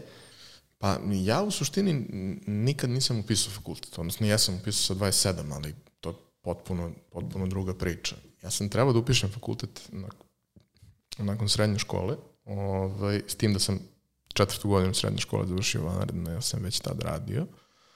Ovaj, I imao sam želju da upišem uh, web dizajn u tom trenutku. I dizajn generalno, to je ono što me zanimalo. Poslao sam upite na, na nekoliko mesta gde sam video sebe, nikad nisam dobio odgovor i nisam upisao fakultet. Nisam ga jednostavno upisao, to je bila u našoj kući nije bila tragedija, ali u kompletnoj ostaloj familiji je to doživljeno kao tragedija, jer eto, ja sam bio dža generacije, ja sam čudo i eto, ja da ne upišem fakultet. Upao loše društvo. Pa nisam zato što su svi znali da, da ja u principu nemam društvo u tom trenutku ovaj, i da se ne družim sa ljudima i da samo sedim za kompjuterom i nešto radim. Uh, igram košarku, ok, ali kao mimo, mimo toga ništa. Uh, ali imao sam tu sreću da su moji roditelji, ništa im nije bilo jasno, ali su poštovali moju odluku. I pustili su. I onda su se desile super stvari kroz vreme. Ali nisam imao pritisak, nisam imao bilo kakvu vrstu teranja da nešto mora, uh, jer sam principu i ja prilično otvoreno pričao sa njima o svemu tome, da ja ako upišem nešto što me ne zanima, da ako dođem u situaciju da, što se ljudima naravno nažalost dešavalo, da ako dođem u situaciju da imam neku veliku nepravdu na fakultetu, da ja nisam osoba koja će da se povuče u takvoj situaciji, ja ću tu da napravim incident, sigurno. Čeko me obori neko za nešto što znam bolje od njega, što mi se desilo u srednjoj školi, ja ću sigurno da napravim incident i to ne funkcioniše dobro sa sistemom u kome pokušavamo da radimo. I moji roditelji su prošli svoje priče na fakultetima koje su svaka na svoj način bile traumatične i skapirale su da je verovatno bolje da, da ne ulazimo u to na taj način. A onda se ukazala prilika negde pre 7-8 godina ovaj, da upišem fakultet koji, koji e, su pokrenuli moji poznanici i e, prijatelji, a koji je super fit sa onim što radi. Znači, inženjerski menadžment je suštinski smer koji objedinjuje tehnologiju i people skills, odnosno upravljanje tehnološkim kompanijama, procesima i svim ostalim. I meni je to bilo jako interesantno. I onda smo pričali jedan dan i imali smo te ovaj, spontane razgovore u kojima u nekom trenutku ti prijatelj kaže ajde upiši to, ne, ne komplikuj. Kao, piši, studiraj kad stigneš, koliko stigneš i to je tako išlo i dogurao sam na to do, do, do pred sam kraj, ostao mi je diplomski koji evo već neko vreme čeka da ga napišem. Ovaj, ali, ali je poenta u tome da mnogo tu nekih stvari koje, koje sam dobio su najčešće bile potvrde praktičnih stvari koje sam već prošao, što nije loše kad ti se u životu desi, kad ono, proživiš nešto, onda pročitaš i kažeš pa izgleda trebalo ovako. A dobio sam i neku širinu dodatnu na nekim, nekim segmentima gde prosto zato što nisam prošao kompletnu teoriju, nego sam živeo te stvari, nisam ni znao da postoje još neke opcije, da postoje još, još neke varija, varijable o kojima možeš da razmišljaš. Tako da, interesantno iskustvo. Uh, definitivno lep smer za, za studirati na bilo kom fakultetu, sada ga ima na, na, na dosta fakulteta, čak mislim da i na nekim državnim ovaj, koji malo prate šta je, šta je aktuelno ga ima. Uh, preporuka za to ukoliko neko sebe vidi kao uh, inženjera menadžera ili menadžera inženjera. Neko ko sebe vidi da razume tehnologiju, kapira da se neće tehnologijom baviti kao naučnik, ovaj, ali razume jako dobro odnose među ljudima, uspeva da, da, da, da, da pomogne ljudima da međusobno komuniciraju i da zajedno rade bolje, može bude interesantan, interesantno opredeljenje. Ali za sve te stvari ti suštinski ne moraš da završiš fakultet da bi se njima bavio. I to je ono što je u našim poslovima lepo. Ti ne moraš da završiš ništa da bi se bavio ovim stvarima. Verovatno neće da ti smeta i ja nisam a priori protiv toga da, da ljudi studiraju fakultet. Ja samo kažem, a, ako imaš 19 godina i nemaš jasnu ideju šta hoćeš da radiš sa životom i možda ni nemaš neku potrebu sad kao, naš, egzistencijalno da se cimaš, onda upiši fakultet jer nemaš šta pametnije da uradiš. Ako imaš nešto pametnije da uradiš, ako imaš nešto što te vuče, što hoćeš da probaš, brate, probaj. Mislim, kao neće fakultet nigde da pobegne, možda možeš i da studiraš i da radiš, to zavisi prosto i koji je fakultet i kakve su tvoje navike i sve ostalo, ali kao ako nađeš to nešto što te vuče, slušaj to jer nećeš sebi nikada oprostiti ako nisi poslušao. A fakultet ili bilo koja druga vrsta usavršavanja mogu da dođu spontano bilo kad. Mislim, učimo ceo život. Obrazovanje nije nešto što se završava. To je odličan savjet. Nisam čuo do, do sada da neko baš to, to kaže za fakultet. imate ljudi opciju, ako ne znate šta da radite, upišite, pa vidite ono. I sad hoćete pitam, kad si ti za sebe rekao, e, ja sam sada preduzetnik? U kom trenutku, ili može da se setiš toga, u kom biznisu si to rekao, čime se ja sad bavim, ja sam preduzetnik? Ili sad kad sagledaš ono, u kom trenutku si ti postao preduzetnik? Pa mislim, način funkcionisanja je suštinski od početka bio takav od negde 16. godine. Šta si radio sa 16? Malo pre si rekao Sa 16 da... sam pokrenuo burek i to je, da kažemo, bilo prva stvar krupnija koju sam radio. Radio sam neke posliće tada, uglavnom, ono, bukvalno manuelno unošenje tabela, popunjavanje nekih gluposti, prevođenje, pisanje nekih vesti. Imao sam prijatelje koji su radili razne vrste web biznisa i trebao im je klinac koji može par sati dnevno da radi nešto tako, a meni je trebao novac zbog teške situacije kući i prosto ono, imao sam tu neku postavku stvari koja je činila sve održivim. Naravno nisam želeo da ceo život sedim i kucam vesti i ubacujem u Excel gluposti. Ali, ono, ma, mali inženjer u meni je vrlo brzo skapirao kako to može da radi dosta brže nego što rade drugi. Pa sam bio i učinkovitiji i pravio više novca i onda sam lagano učio neke stvari koje su, da kažemo, sledeći nivo. Kao to je neka najbazičnija usluga koju može dresirano kuće da radi.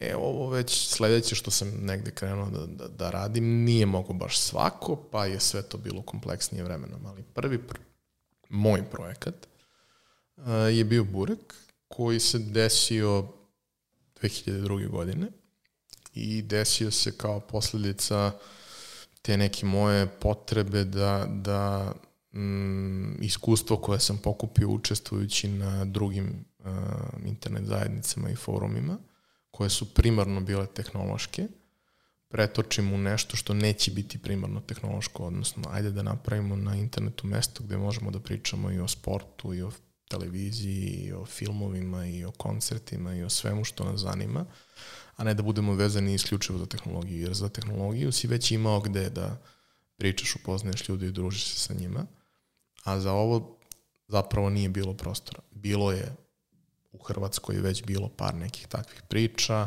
u većini drugih zemalja, da kažemo, je postojalo neko tržište toga, kod nas nije, ja sam rekao, ok, ajde ja da napravim nešto tako. I otkud burek? Zašto burek? Pa, uh, zato što sam razmišljao, mislim, prvo, da se razumemo, sam 16 godina. Ovaj, a drugo, ideja mi je bila da probam da, da to napravim da bude dovoljno opšte, da ne bude pretenciozno, da sad kao bude previše ozbiljno i to. I da bude inkluzivno za sve ljude koji ovaj, imaju dobru volju i žele da se druže. E, ispostavilo se da ovaj, su, ono, bilo je situacije u kojima su neke uh, full napucane devojke jako negativno reagovale kad čuju, ali mislim, koga briga. E, očigledno Imate forum Ana RS. To, to, to. Ima, mislim, prosto, ono, niste ciljna grupa.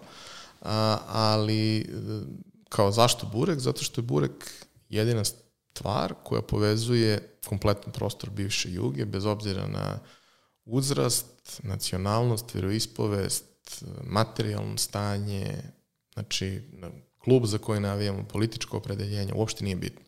Svi smo negde vezani uz to. I to je kliknulo tako i onda sam ja odlučio da, da, da krenem sa tim. Ispostavilo se da to i nije bila tako loša odluka. Ovaj, kad sam imao 16 godina bio sam mnogo kreativniji nego što sam sad. A, ali um, od starta je to bilo postavljeno, iako ja nisam znao šta znači praviti biznis i taj biznis deo priče krenuo, sam krenuo da razvijem sedam godina kasnije, bilo je postavljeno kao izgradnja nekakve zajednice koja je vrlo, vrlo uh, intenzivna, zahtevna. Znači mi smo u jednom trenutku imali 120 volontera koji su uređivali sadržaj, koji su svi bili posvećeni od 90% ljudi koji negde rade za platu. Zašto? Zato što je, sam pre svega ja, a onda i nekoliko uh, ključnih ljudi pored mene tu, smo bili najposvećeniji i trudili se da napravimo zaista mesto gde će svima koji su dobronamerni i pristojni biti prijatno. Da nećemo praviti nešto što nama odgovara, gde, su, gde se isključivo dešavaju stvari koje nama prijaju, priča se na teme koje samo mi volimo i na način koji samo mi volimo. Ne, ne, ne, ja ću istolerisati sve to što se meni ne dopada dokle god smo mi civilizovani i pristojni. I to je dobro funkcionisalo i to je zato i poraslo toliko koliko je poraslo, a poraslo je da bude u 10, pet najposjećenijih sajtova u Srbiji, da ima nekoliko miliona korisnika i tako dalje. I kad je krenuo tu da se vrti kinta? 7 godina kasnije, šta je to bilo? Pa... Izvim što te prekje, ali to ono dinar od svakog korisnika pa je... to, to, to, to je ta priča sa, sa ovaj, rodbinom, kao, e, super je to, ali, ali ako bi ti dinar od svakog korisnika, onda bi to bilo super. A, mi smo krenuli to da radimo u trenutku kad tržište digitalnog oglašavanja nije postojalo uopšte, ni, ni u kakvom obliku. I 2007. godine, šeste, sedme godine, ono počelo da se formira po prvi put na jedan malo ozbiljniji način. Ključna osoba za to je Rade Tričković i HTT Pool. Formiranje HTT Poola i dolazak Radeta na tu poziciju da svojom energijom, pre svega, i znanjem to podigne na jedan viši nivo i on je, da kažemo, ključna osoba, nakon toga je bilo i drugih ljudi i drugih firmi koje su učestvovale u tom periodu da od 2007. do 2010. to vrlo ozbiljno poraste. I e, došli smo do, do, do toga da postoji prihodna strana od oglašavanja koja nije beznačajna. Takođe mi smo imali, da kažemo, merchandise koji je išao dosta, dosta lepo. Nije sad to bilo ne znam kakva količina novca, ali prosto lepo je kad vidiš ljude u gradu koji nose tvoje majice i ostale stvari koje smo pravili. I to je, da kažemo, bila, bila uh, u tom trenutku uh, postavka što se tiče monetizacije. Ali ključna stvar uh, vezana za Burek nije uopšte bila vezana za direktan prihod koji sam ja otvarivao zahvaljujući njemu, nego za stvari koje su se dešavale kao posledica toga. Prvo, i dan danas najbolji prijatelji koji imam, sve sam ih malte ne upoznao u tom periodu. Mnogo divnih ljudskih priča se desilo zahvaljujući Bureku, mnogo veza, brakova i takvih stvari, prijateljstava, partnerstava, firmi.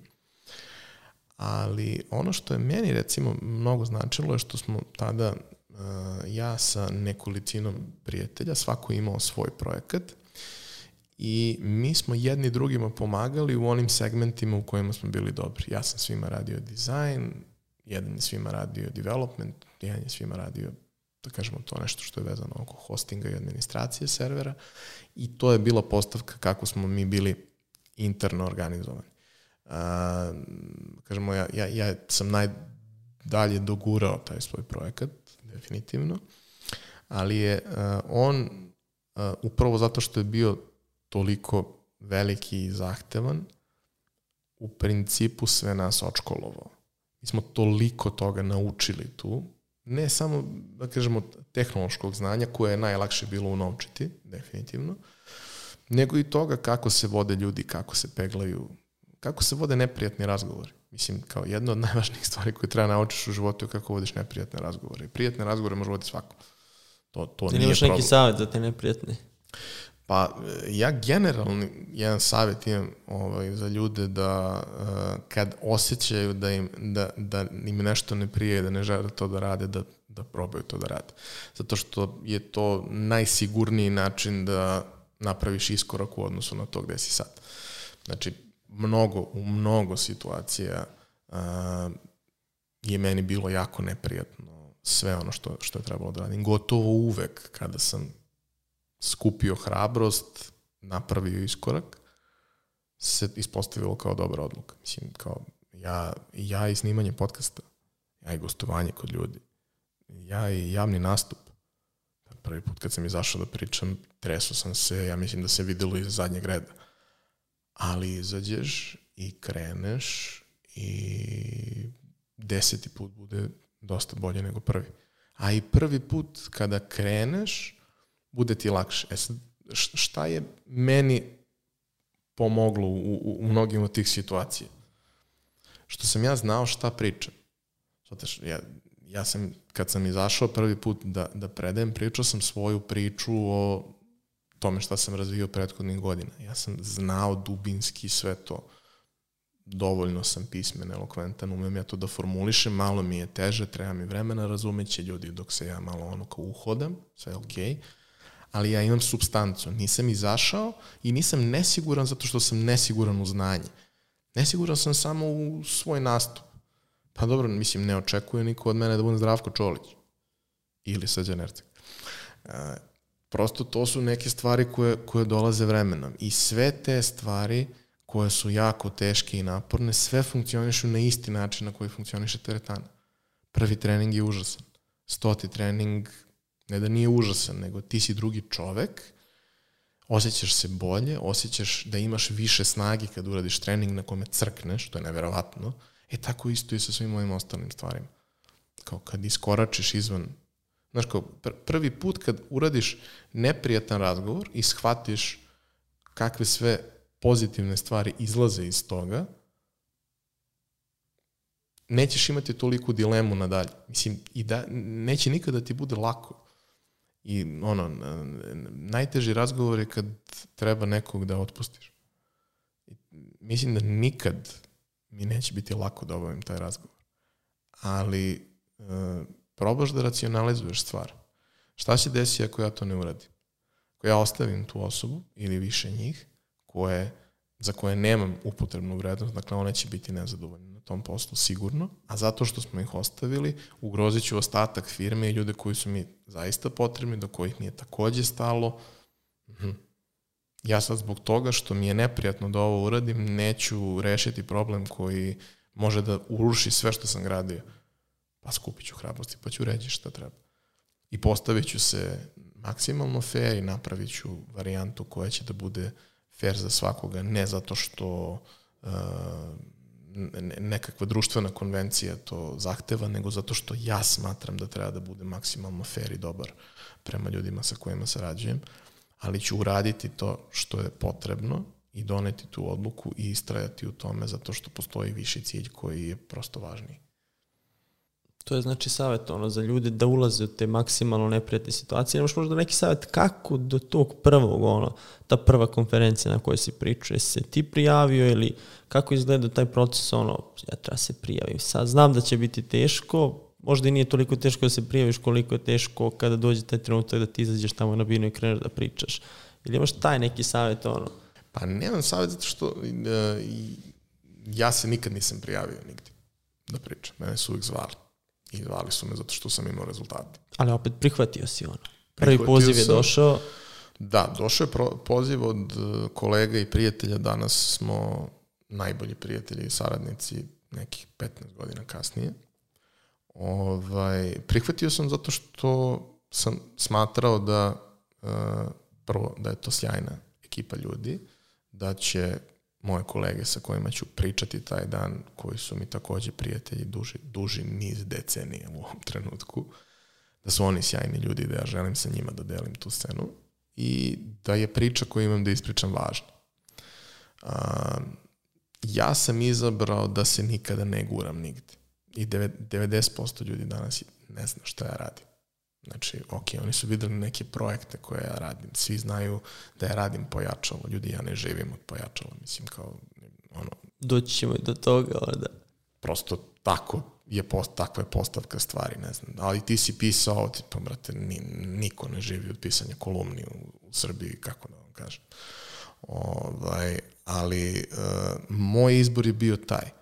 Ne mora da znači da je, da je pravi, imaš push i pull, moj je uvijek bio da ljudi mene zovu zato što im trebam, jer to daje mnogo drugačiju pregovaračku poziciju nego kada ja moram da idem i da nudim.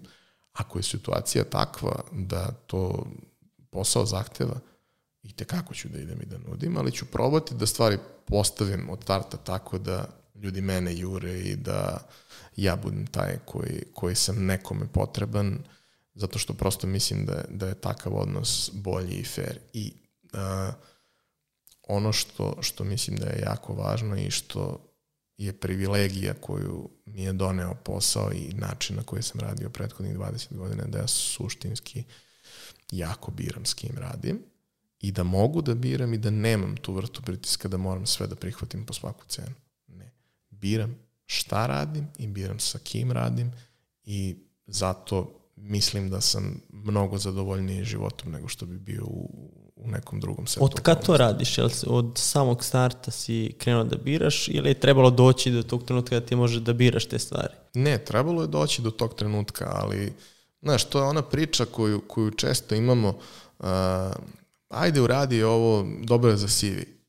E, moj CV je takav da ne moram da uradim više nikad ništa. Znači ima za dva života u njemu.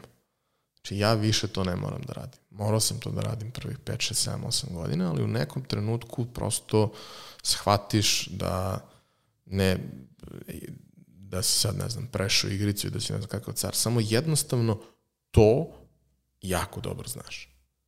I kad si svestan toga, to je dosta dosta lep osjećaj i dosta dobra polazna osnova za, za, za sve ostalo dalje. Ne znači da treba da se uljuljkaš i da budeš u fazonu meni niko ništa ne može, ja sam nedodirljiv. Ja, ne, ne, ne, apsolutno nemam taj moment.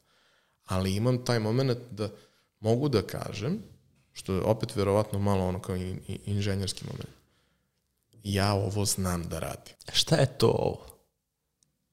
Rekao si malo pre generalista i se kažeš ono, ja to znam da nemam. Pa kada mi dođeš sa nekim konkretnim projektom i kažeš mi šta je i sad to kao kreće da kuva unutra, ja znam da ja to mogu da iznesem. Da li je u pitanju tehnološka stvar, da li je u pitanju razvoj nečega, da li je u pitanju content stvar, što jeste nešto što, što najviše volim da radim, da li je u pitanju produkcijska stvar, da li je u pitanju marketarska stvar sa nekim vrlo konkretnim ciljevima koje treba ostvariti, ali ja znam da ja to mogu da uradim. A zašto ja to znam da to mogu da uradim? Što sam uradio to već deset puta do sada. I nije to, to je utemeljeno na istoriji, nije utemeljeno na unutrašnjem osjećaju ono, lažne sigurnosti. Ne, ne, ne. Ja imam track record koji to može da, da potvrdi. Kao što kad dođeš kod sprintera koji trči već 5 godina ispod 10 sekundi i pitaš ga jel možeš da trčiš ispod 10 sekundi, on kaže mogu ne, ono, da, može da, može da se desi da se saplete na startu, ali mislim, nije pitanje da li on to može da uradi. Jednostavno može, dokazao je da može mnogo puta, tako isto i ja. Za, za neke stvari koje, koje su bitne, mogu. Ima mnogo situacija u kojima kad dođeš, recimo, to su recimo, da kažem, situacije koje se dešavaju kroz consulting sa ljudima, gde, gde pričamo i sad pozove me poznanik, prijatelj ili preko prijatelja neko i kao jel bismo mogli da, da pričamo ovaj, o mom biznisu, da, da nam ti budeš konsultant, imamo neke teme koje želimo da prođemo i to sve dođemo na, na prvi sastanak, ja im kažem otprilike kako to izgleda. Ne postoji neka sad jasna struktura, ali suština je prvih nekoliko sastanaka, ja ću mnogo da pitam i vi ćete mnogo da pričate i neću ništa pametno da vam kažem. Aha, ali mi smo tebe uzeli da ti nama kažeš, ali ja vama ne mogu da kažem dok ne razumem šta vi radite. Ja tek kad razumem šta vi radite, mogu možda da vam kažem gde vidim da postoji prostor za neko unapređenje, gde mislim da, da prosto neke stvari možda ne funkcionišu na, na, na idealan način i tako dalje. Onda se dešavalo da, da uh, se ljudi razočaraju. Znaš kao, ne, ne, ja sam očekivao da dođem kod tebe, kažem dve rečenice i ti mi daš sad neko ono silver bullet koji će da reši sve, kao ne, brate, život ne funkcioniše tako. Da je to toliko jednostavno, ti bi se sam toga setio. Mislim, desi se nekad i to, ali uglavnom to nije slučaj. Uglavnom, ako postoji neki problem, on, a, a kvalitetni ljudi su uključeni u proces, to nije površinski problem koji se vidi, samo ga niko ne vidi. Ne, ne, to je, to je dubinski problem. Skoro sam imao situaciju gde, gde je momak došao ovaj, isto preko, preko nekih prijatelja, seli smo, pričali, on ima zanimljiv biznis koji je partnerstvo, ali on je nezadovoljan kako se to razvija i priča ima potencijala, ali ne razvija se to onom dinamikom koje bi trebalo. Pričamo, pričamo, ja postavljam pitanja, postavljam pitanja i ja mu kažem, nakon ono, jedne i po sesije, ti nemaš partnerstvo. Nemaš. Pa ne, ali nemaš partnerstvo. Znači, kao tvoj partner se ni u jednom trenutku ne ponaša kao partner u tom poslu. Ti si taj jedini koji vuče. Ako je to vaš dogovor, to je okej, okay, ali to nije dogovor. On radi sve ono što mora da radi, ali to bi radio i zaposleni. To, to nije partnerska stvar, ne postoji zajednički drive, ne postoje zajednički ciljevi, to neće opstati. Neće opstati kao partnerstvo, ti ćeš samo sve više i više da budeš nezadovoljan. I ispostavi se da to jeste tako. Šta je uradio? Je poslušan savjet ili? Pa koliko sam ja razumeo, čuli smo se relativno skoro, napravio je reorganizaciju u kojoj je bivši partner, sada jedan od glavnih saradnika, ali nema tu vrstu odgovornosti i nema te vrste očekivanja. I stvari funkcionišu mnogo bolje i zdravije i ovaj sada ima slobodu da to razvija punim plućima da, na način na koji misli da treba. I možda će da failuje, ali će da bude sam kriv za to. A i ako uspe, isto tako će biti sam zaslužan za to. A ovako, kad imaš partnerstvo u kome ne postoji partnerstvo, to je veliki problem. Ali ljudi idealizuju. I... A equity, ono imamo sad ti ja 50-50, ti si taj bivši partner koji ne radi. Pa dobro, Šta kako se, se dogovoriš? Znaš, otkupiš, napraviš neku vrstu dogovora, napraviš neku dugoročnu priču. Većina tih postavki nisu takve da sad je to nešto mnogo komplikovano, tu ima nekih zajedničkih ulaganja, intelektualne svojine, ne, nema toga. Najčešće nema ničega od toga. Najčešće je to varijanta ajde ja tebe da isplatim ili ajde da se dogovorimo da ti ja u narednih par godina isplaćujem po nekoj dinamici, a da ti ostaneš tu da budeš kao ispomoć ili nešto slično ili da uradimo transfer ili nešto tog tipa. Ali je fora što, opet, za, zašto oni nisu nikad došli do toga? Zato što niko nije hteo da vodi neprijatne razgovore. Ti vidiš da nešto nije okej, ali nećeš da pitaš. E, ja ću da pitam. Ja ću da pitam, zato što ako ne pitam, to će da preraste u još veći problem. Može i meni da se desi da previdim. Posebno kod, sa, sa ljudima koji se trude da to sakriju. Ali ako dovoljno dugo i dovoljno posvećeno pričamo o tome, verovatno ću da primetim i onda ću da pitam tu neprijatnu stvar. I bit će mi teško i stajaće mi knedla ovde ove, veličine dinje, ali ću i dalje da pitam. Zato što sam svestan toga šta se desi ako ne pitam. Da taj problem postane mnogo, mnogo, mnogo veći. To ti mislim, ja često imam te vrlo uh, brutalne poređenja. Ali to je ono, kad imaš gangrenu na nozi, ne možeš da je šminkaš i da se praviš da ne postoji. To se rešava tako što se odseče. I onda ostaneš da postojiš, a ako ne odsečeš, umreš. Sad, znaš, šta, Kompromis. Šta ti se više sviđa od ta dva? Jeste prilično strašno da nemaš nogu, ali ako umreš, onda nije bitno da li si umro sa nogom ili bez nje. Tako nekad i u ovakvim situacijama. Nekad nije. Nekad je to bazična stvar koja prosto mora da se reši. Ali je izazovno i teško i mi smo nacija koja je komunikacijono hendikepirana u svakom smislu. Hajde da radimo na tome jedan po jedan da probamo da radimo na tome i verujem da će svima da bude bolje. I sad pričamo sat i po, a ne znamo čime se baviš. Pa zato što ne može ni da se objasni čime se ja bavim. Ja se bavim sa mnogo različitih stvari, jer me previše različitih stvari interesuje, ali u principu se nalazim između tehnologije, preduzetništva i marketinga već 20 godina. I uh, sa jedne strane imam te male biznise koje pokrećem, koji su mi interesantni, koji su mi interesantni kao investicija, koji su mi interesantni kao poligon za učenje, zato što želim da razumem kako funkcioniše određena specifična industrija. Ovaj, zato su i neki od njih offline, jer kao super je sve to Na primjer Burgos. Na primjer Burgos.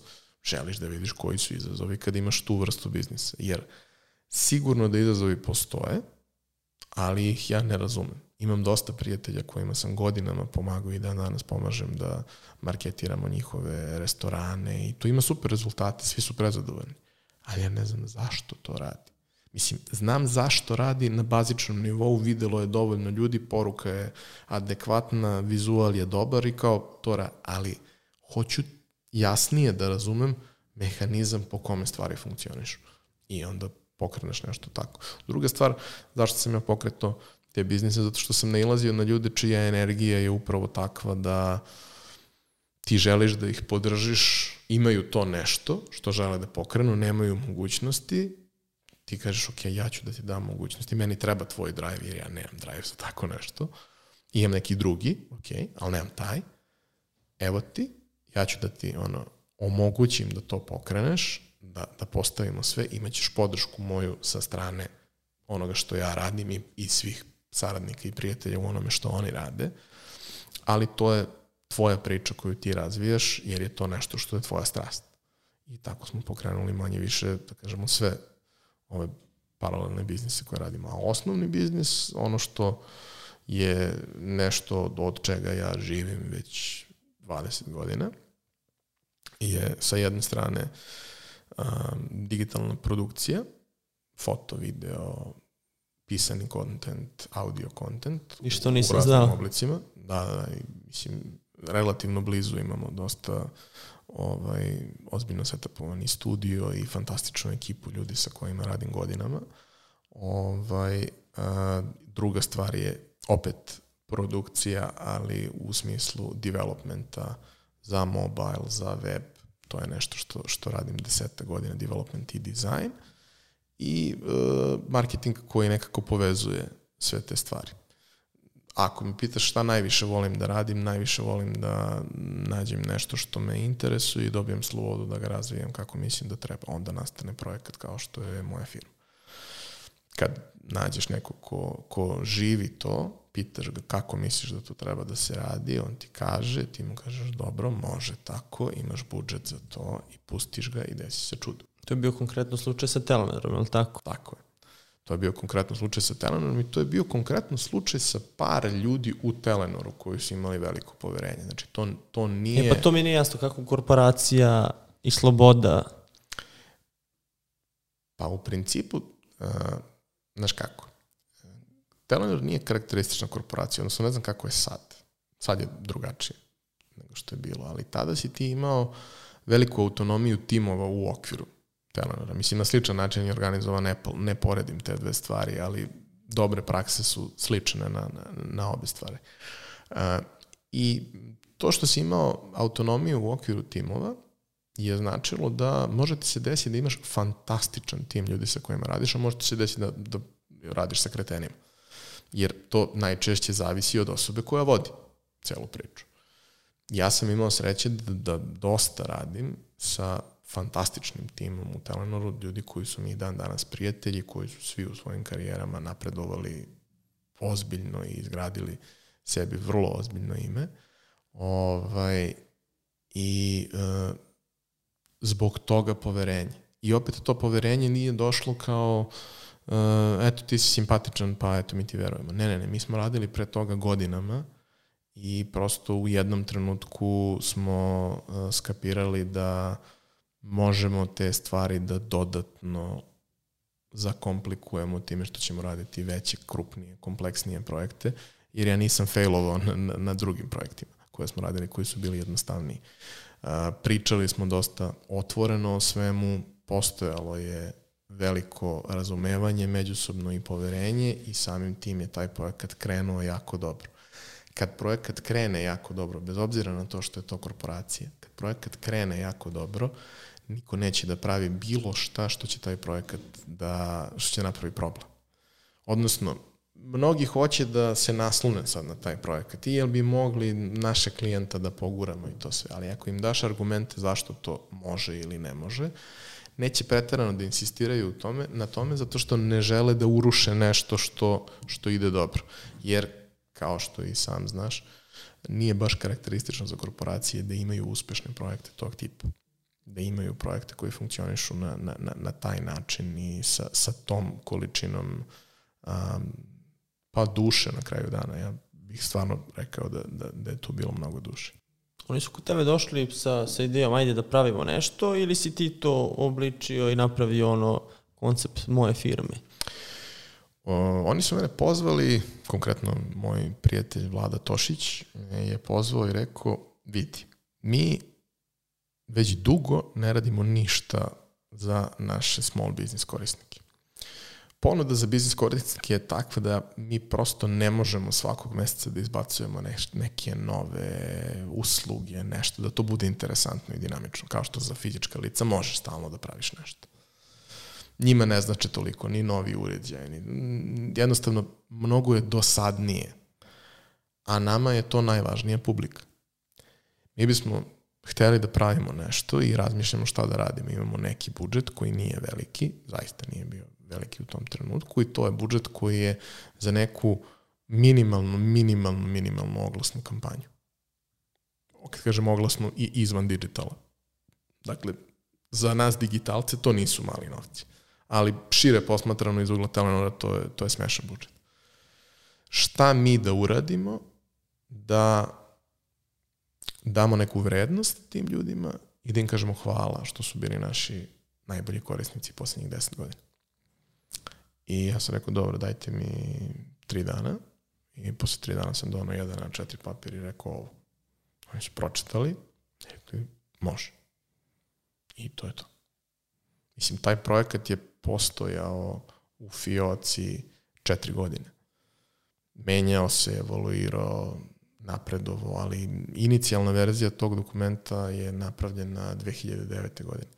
Domen moja firma RS je bio u vlasništvu da kažemo, mojih prijatelja i koje sam i pomenuo, sa kojima imam i firmu u Nišu koja se bavi web developmentom, bio u našem vlasništvu onda je kad je, kad je svoje pakete Telenor brendirao, moja firma kupio od nas taj domen, odnosno konkretno od Vite.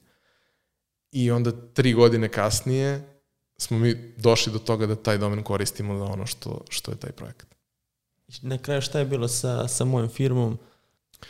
Na kraju je projekat pauziran 2018. godine a, kada je došlo do, do velikog restrukturiranja Telenora. Uh, Zašto je pauziran, ja ne mogu da dam odgovor na, na to pitanje i zaista, zaista ne znam.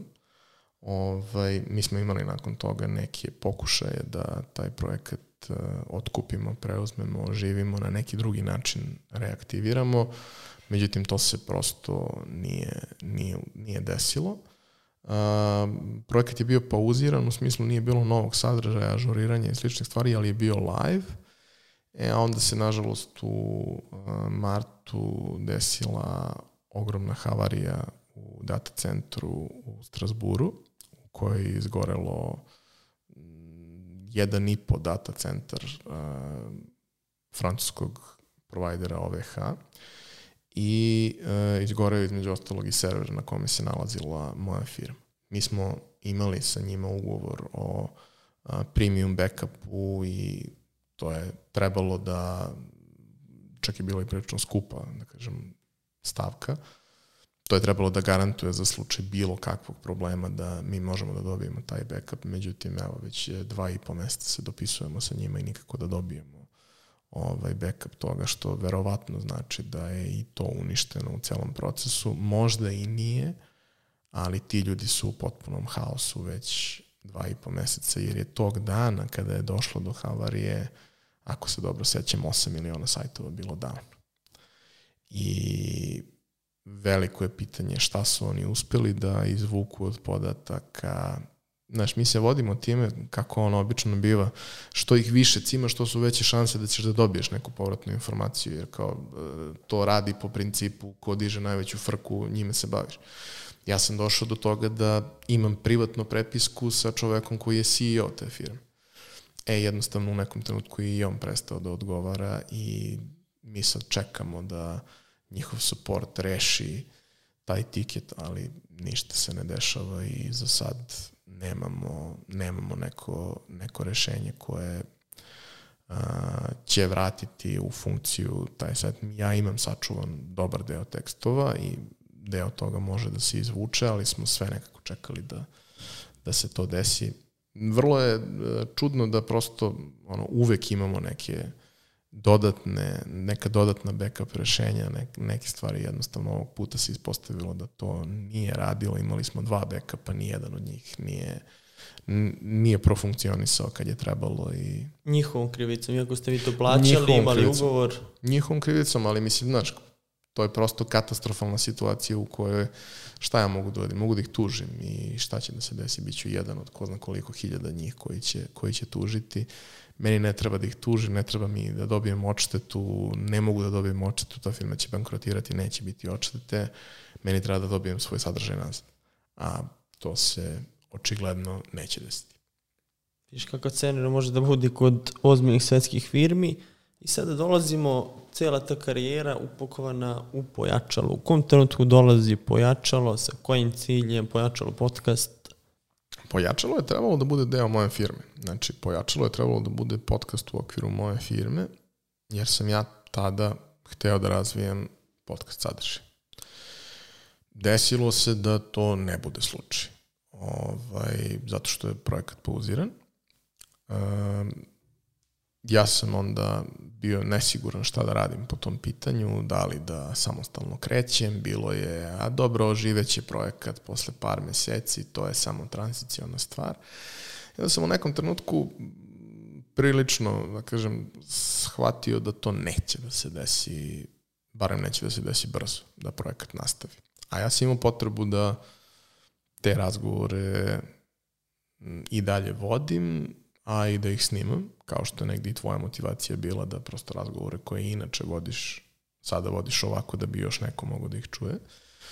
E, ja sam imao istu, istu motivaciju i rekao sam sebi, ok, ajde ja da krenem to da radim, pa da vidimo šta je kako desilo se da u isto vreme, otprilike kad je ta odluka i doneta, jer ja sam opremu već kupio, oprema je bila već godinu dana u studiju, samo nije korišćena.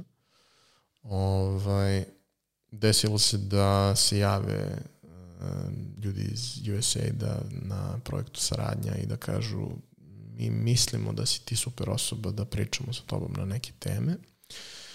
Ja sam rekao da ako su im ideje te kakve sam čuo da jesu, da verovatno ja sam dobra osoba, seli smo, pričali smo, ja sam rekao, vidite, meni je ovo neki plan za naredni period, jel vi vidite sebe u tome, vidimo, ok, ajde radimo zajedno. I onda smo godinu dana to radili zajedno. To je podrazumevalo da mi s jedne strane imamo neko finansiranje, tu da ta priča može da bude ozbiljnija, sa druge strane je podrazumevalo da pored samog podcasta imamo dodatne stvari koje smo radili, to su bila druženja koja su bila fantastična, to, je, to su bili neki animirani explainer videi koji su bili jako interesantni. Ovaj, i gomila nekog propratnog sadržaja koji je, koji je tu nastajao i koji je bio uh, produciran. Um, taj projekat se završio i ja sam ozbiljno uh, uzdrman finansijski, nevezano samo za, za to, nego prosto to je bio početak prošle godine, kad se već najavljivalo da će biti ekonomska kriza. Nije još COVID bio tema, ali bila je ekonomska kriza i mi smo nekoliko projekata koje smo radili pauzirani su. A, onda se desilo da je i ovaj sa, sa USAID-om pauziran i to je bio onako ozbiljan udarac, ali sam ja rekao, ok, a, mislim da je to što radim previše važno da bih ja to pauzirao i meni makar lično je previše važno, tako da ako ništa drugo, ono zbog sebe ću nastaviti da ga radim i zbog toga ga i dan danas radim. Imali smo taj period kad sam definitivno prelomio da će to da opstane, a, koji se desio sa pandemijom i činjenicom da sam bio zaglavljen u Americi i da sam se tamo snimao, reakcije na to koje sam dobio, mailovi koje sam dobio od ljudi a, su mi rekli da prosto to treba da opstane. Mm, imam tu kažem, sreću da nemam nerealno očekivanja. Znaš, ja stvarno ne mislim da razgovori koje ja vodim mogu da dođu do nekog broja ljudi koji koji se meri desetinama hiljada. Da. ja mislim da je naša publika red veličine ukupno 10.000 ljudi, naša prosečna slušanost je 5, 5 i po, meni je to sasvim okej. Okay. Ja nemam problem sa tim. Tako da to je, to je neka postavka stvari i ne postoje nekakvi grandiozni planovi. da se to sad kao razvija u nekom smeru, već je samo ideja da ima kontinuitet i da ljudima bude neka vrsta profesionalne podrške, profesionalne podrške u vidu terapije koju mogu da slušaju svake nedelje, jer kao što sam to formulisao, a formulisao sam to spontano na, na sceni na jednom od prvih druženja, mislim baš na prvom druženju, kad su me pitali, a zašto si to uopšte pokrenuo, um, nije poenta u tome da ako ste preduzetnik, da ćemo mi sad da vam pomognemo i da vas izlečimo i da vi ste očigledno malo luđi, odnosno ne spadate u ono što je konvencionalno, uobičajeno i normalno. Dakle, oko toga teško da možemo da vam pomognemo. Vi ste već pokupili virus i, i to je to. Ali ono što možemo da uradimo je da možemo da učinimo da skapirate da niste sami i da ljudi prolaze slične i gore stvari i da uspevaju da opstanu i da nalaze rešenja i da guraju dalje i da vrlo često, kako ono kažu da je noć najtamnija pred svitanje, da prosto kada vidiš da je neko pre tebe nešto prošao, neće ti biti lakše, ali ćeš znati da je moguće. E, to mi radimo. A sa druge strane, ono što pokušavam da uradim kroz pojačalo je da stvorim neku kulturu konzumiranja a, kvalitetnog sadržaja.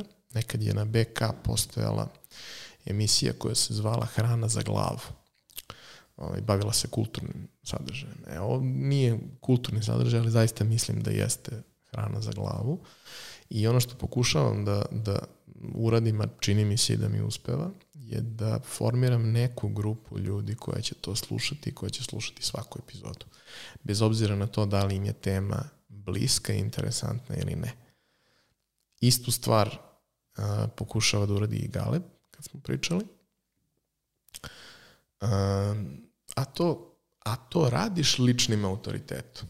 Ljudi slušaju zato što veruju tebi da to treba da slušaju. E, ajde da se dogovorimo. A ne zato što su upali ono, svide mi se gost pa su nekako upali. To je možda masovniji deo priče, ali recimo neki ima hiljadu i po dve ljudi koji će slušati zato što veruju da treba to da saslušaju.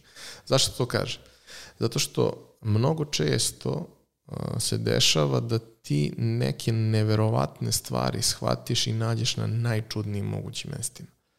Da nađeš primenu nečega iz industrije koja nema nikakve veze sa onim čime se ti baviš u svojoj samo zato što si čuo neku neverovatnu priču. Znaš, i to je ono što kad imaš tu širinu, kad te interesuje toliko stvari, imaš ne, mnogo nekih kockica koje mogu dobro da fituju zajedno. I u takvim situacijama se dešavaju ti fusioni različitih stvari koje dovode do, do neverovatnih rezultata možeš i da kopiraš stalno postojeće stvari, postojeće modele, ali možeš i da napraviš svoju varijantu toga i e, obično ti ljudi koji naprave nešto svoje, adaptiraju nešto postojeće na nešto novo, naprave neku svoju verziju, obično su to oni ljudi koji su najuspešniji. Šta ti je bio najveći izazov u pokretanju pojačala? To taj tranzicijni period kad je krenula kriza, kad si se zaglavio u Americi, ili kad su otkazali sponzorisanje? Pa, mislim, to se desilo manje više u isto vreme i mi smo tad već imali 50 epizoda. To, to nije bio problem. Bio je izazov COVID e, u smislu da su ljudi bili nisu želeli da, da, da dolaze. A nisi snimao online? Nisam snimao online, ne želim da snimam online jer ne verujem da mogu da uspostavim tu vrstu energije na pravi način online. Ovaj, to je bio glavni razlog. Drugo, e, ja imam problem da slušam zvuk koji nije dobar i dugoročno i ne želim ljude da dovodim u situaciju da slušaju zvuk koji je bez veze. Imali smo tu situaciju u Americi gde su slušali moju bubicu, a napolju su ptice i, i vetar. To je bilo iznuđeno rešenje. Ok, ajde, sad nemamo iznuđeno rešenje, sad možemo to da radimo kako treba. Ovaj, a najveći, najveći izazov je naravno sam početak sam početak kako da kreneš, od čega da kreneš, kako da se postaviš, ne umeš to da radiš. Znaš, mnogo često su ljudi tu pričali kao, pa dobro, a što je to tebi problem? Ti kao imaš iskustva u javnom nastupu dosta i imaš uh, iskustva, radio si mnogo intervjua sa, sa ljudima. Pa jeste, ali u intervjuima ja radim intervju sa čovekom, nema mene nigde. A ovo sam ja. Ovo sam ja i ovo mi pričamo. Je to glavna razlika ono kad kažem intervju podcast? Ima raznih vrsta podcasta. Ima podcasta u kojima je to klasičan intervju radijski gde je voditelj samo voditelj koji postavlja kratka pitanja. Ni ja ni ti ne želimo da vodimo tako nešto. Mi nemamo napisan spisak pitanja za, za ljude. Nekad mi neko traži da mu dam neke teme, dam mu teme naravno o kojima želimo da pričamo, ali nemam spisak pitanja, to je spontani razgovor. Ok, ja sam malo hijackovao, ja pričam malo više, ovaj, ali generalno to je razgovor između nas i u većini slučajeva ljudi koji dolaze u pojačalo su moji prijatelji i kolege sa kojima se znam dugo, sa kojima sam prošao mnoge stvari zajedno i kao često mi se dešava da ljudi napišu, a znam da, da si i ti imao taj problem, kao skrati brate pitanja, dosadno su ti pitanja. Jel ti ne odgovara? Ima ceo internet. Znači, slušaj nešto što ti odgovara. Ja bre ovo pravim onako kako se meni sviđa, za moju dušu. I verujem da postoji sasvim dovoljno ljudi kojima će to takođe da se svidi. Jeste, nekad ulazim u preobimne digresije i tako dalje, ali kao ljudi, ovo je spontani razgovor koji... Kao što bismo vodili ono uz kafu ili... Pa da, i nema pripreme i nema pakovanja toga i nema neke velike montaže. Jel može sve to da bude bolje? Pa može, ali ja onda moram time da se bavim e, četiri dana nedeljno, a ne dva sata koliko mi treba da to snimim. Onda to mora da bude komercijalno isplativo. A ovako je to nešto što uh, ja besplatno dajem ljudima, kao što i ti besplatno daješ ljudima, kao što i svi drugi content kreatori daju svoj sadržaj besplatno u etar i kao poštujte to vreme koje je izdvojeno, jer iako je to možda uh, neidealno, i dalje bih rekao da je prilično interesantno i dobro i da ga vredi poslušati. Sad kad kažeš da ti ljudi ono, da su navikli da, da konzumiraju, kako tržište naše, u kakvom je stanju ono što se tiče tog audio i podcast formata, ili se sve svodi na to, navekli smo, gledamo sad intervjuje i sad hoću tebe gurnem u taj šablon kao što postaveš takva pitanja, što ono, kakve kulture slušanja ovde uopšte? Pa skoro da ne postoji. Mislim, postoji u nekom obliku, imaš ljude koji slušaju podcaste godinama, ali to je vrlo mali broj ljudi. Imaš ljude koji su počeli da slušaju podcaste u prethodnih možda dve godine ovaj, što je lepo, ali i dalje sigurno 85% uh, ljudi gleda podcaste. Yes. Ti ljudi koji gledaju podcaste suštinski ne kapiraju šta je podcast. Njima je interesantno to što gledaju ili slušaju, ali oni ne razumeju format. I onda ne mogu, ne mogu da skapiraju, recimo to, to sam ja objašnjavao i svojim prvim gostima koji su dolazili Posle više nije bilo toliko problema, ali na početku jeste malo bilo triki, posebno što se tad ništa nije znalo o podcastu ovde. Jel možemo da donesemo fotke da pokažemo nešto? Možemo da donesemo, ne znam, whiteboard pa da crtamo nešto? Ne može. A zašto ne može? Pa kako će onaj ko sluša da razume šta ti tu kažeš? Pa do, ja ću da objasnim rečima. Nećeš. Ne možeš da objasniš rečima. Ne može da iskustvo onoga ko sluša bude lošije od onog iskustva osobe koja gleda. Posebno što kako ti kažem, u tom periodu nisam bio baš najlepši prizor za gledanje, a nisam dovodio Doći ćemo do tog dela. lepe ljude u, u podcast, nego je poenta bila na, na, na sadržaj. A, mislim da je Galeb dosta uradio e, to sam te da ti na pitam. tome i da se on jako puno trudi, ali da ni njegova situacija nije idealna i da on isto ima situaciju da, kažemo, gro epizoda koje su naj gledanije su da je odnos između gledanja i slušanja 100 naprema 1. Kod nas nije. Kod nas je recimo da kažemo 3 naprema 1, što mislim da je, da je, da je sasvim okej. Okay. Ali naše brojke su mnogo, mnogo, mnogo, mnogo, mnogo manje. Ali to je ono što, što mislim da, da je izazov. Ljudi nemaju tu naviku i treba će vremena dok je formiraju i izgubili su je zato što su prosto izgubili naviku da slušaju govorni program. Nema govornog programa na radiju, nikada nismo uh, došli do toga da imamo dobre audio knjige na srpskom. Sad, ok, po, izdavači kreću sa tom pričom ozbiljnije, ali suština je da će trebati dosta vremena da se ponovo formira ta navika uh, dugih formata, pasivnog slušanja, slušanja uz neke druge stvari koje radiš, jer kad ti neko kaže ja nemam dva, vremena, dva sata vremena da posvetim tome, kažem ok, ali to nije dva sata vremena koje treba posvetiš tome, to je dva dana odlazaka na posao, to je uh, vikend koji peglaš ili usisavaš, to je dva odlaska u teretanu na traku. Ili jedan ako staviš na brzinu dva.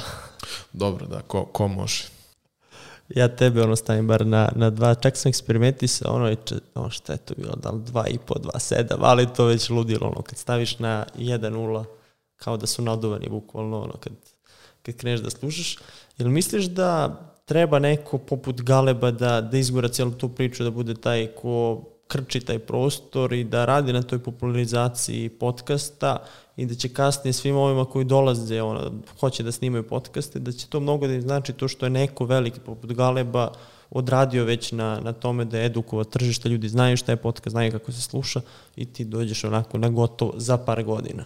Apsolutno mislim da, da je Galebova uloga tu baš da bude svetionik i da on to radi fantastično i da se jako puno trudi oko toga. Um, sreća je za nas, a u njegovom slučaju to nije sreća, to je posljedica dugog rada, da on prosto ima društveni kapital koji je ozbiljan, da je on što kažu gradska faca, ali ne samo gradska faca, nego neko ko je vrlo prepoznat i kao autor i kao, kao zanimljiv uh, medijski lik koji je sada krenuo u svoju priču. To sigurno dosta pomaže. Uh, ono što je, što je možda problem je što uh, mislim da zato što postoji Galeb uh, klinci imaju nerealna očekivanja. U kom smislu? U smislu da uh, ako krenu podcast i to sluša uh, 300 ljudi, oni su nezadovoljni. Tačno. I to je 300 ljudi. To uopšte nije malo i vremenom će ih biti više i ako radiš dobro to će napredovati i tako dalje i tako dalje i tako dalje. Ni njegove prve epizode nisu imale milionske preglede i on ima mnogo epizoda, baš, baš kad smo pričali o tome, mislim, mi, smo, mi se znamo dugo i prijatelji smo. Ja mu kažem, brate, meni su neke od najboljih epizoda koje si snimao među najslabije gledanim epizodama. Zato što ljudi nisu atraktivni u tom nekom mainstream smislu i nemaju tu vrstu prepoznatljivosti, ali meni su neke od tih epizoda ubedljivo najbolje epizode koje, koje on snimio. E, to je ono. Bilo bi super kada bi ljudi verovali Galeb, da zato što je on rekao da treba da poslušaju tu osobu, poslušaju zapravo šta ta osoba ima da kaže. Sad kad savjetuješ nekog da, ili kad neko razmišlja da pokrene podcast, jel daješ neke savete da ti, ok, krenuo si, treba da snimiš IHH epizoda, nije naivno, treba i vremena i ulaganja, a nećeš imati neku isplativost bar odmah. Znači, ne može da se živi u startu, ni posle IHH epizoda, ti ne možeš od podcasta da živiš. Šta savjetuješ tim ljudima, da li oni moraju da već imaju neki, neki kapital, ni ti ne živiš od podcasta, ne živim ni ja, Galeb je na, na tom putu da, to jest može se reći da on živi od on podcast. živi od podcasta i on je jedini možda u Srbiji u regionu ko živi od podcasta. Jel, Nije jedini, ima, ima nekoliko primjera. Jel imaš još neki primjer? Daško i mlađe žive od, od podcasta, Dobro, da. iako suštinski ja to ne bih zvao da, podcastom, da, da. nego jutarnjim programom, ali ok, nebitno. Mnogo je drugačije kada ti imaš uh, društveni kapital i kada imaš istoriju za sebe i već ljude, veliki broj ljudi koji te prate. Uh, onda možeš i da očekuješ da ćeš relativno brzo doći do toga da to postane održivo. Ne verujem baš da će neko da se obogati od toga, ali može da postane Ako je Joe Rogan. apsolutno ovaj, održivo.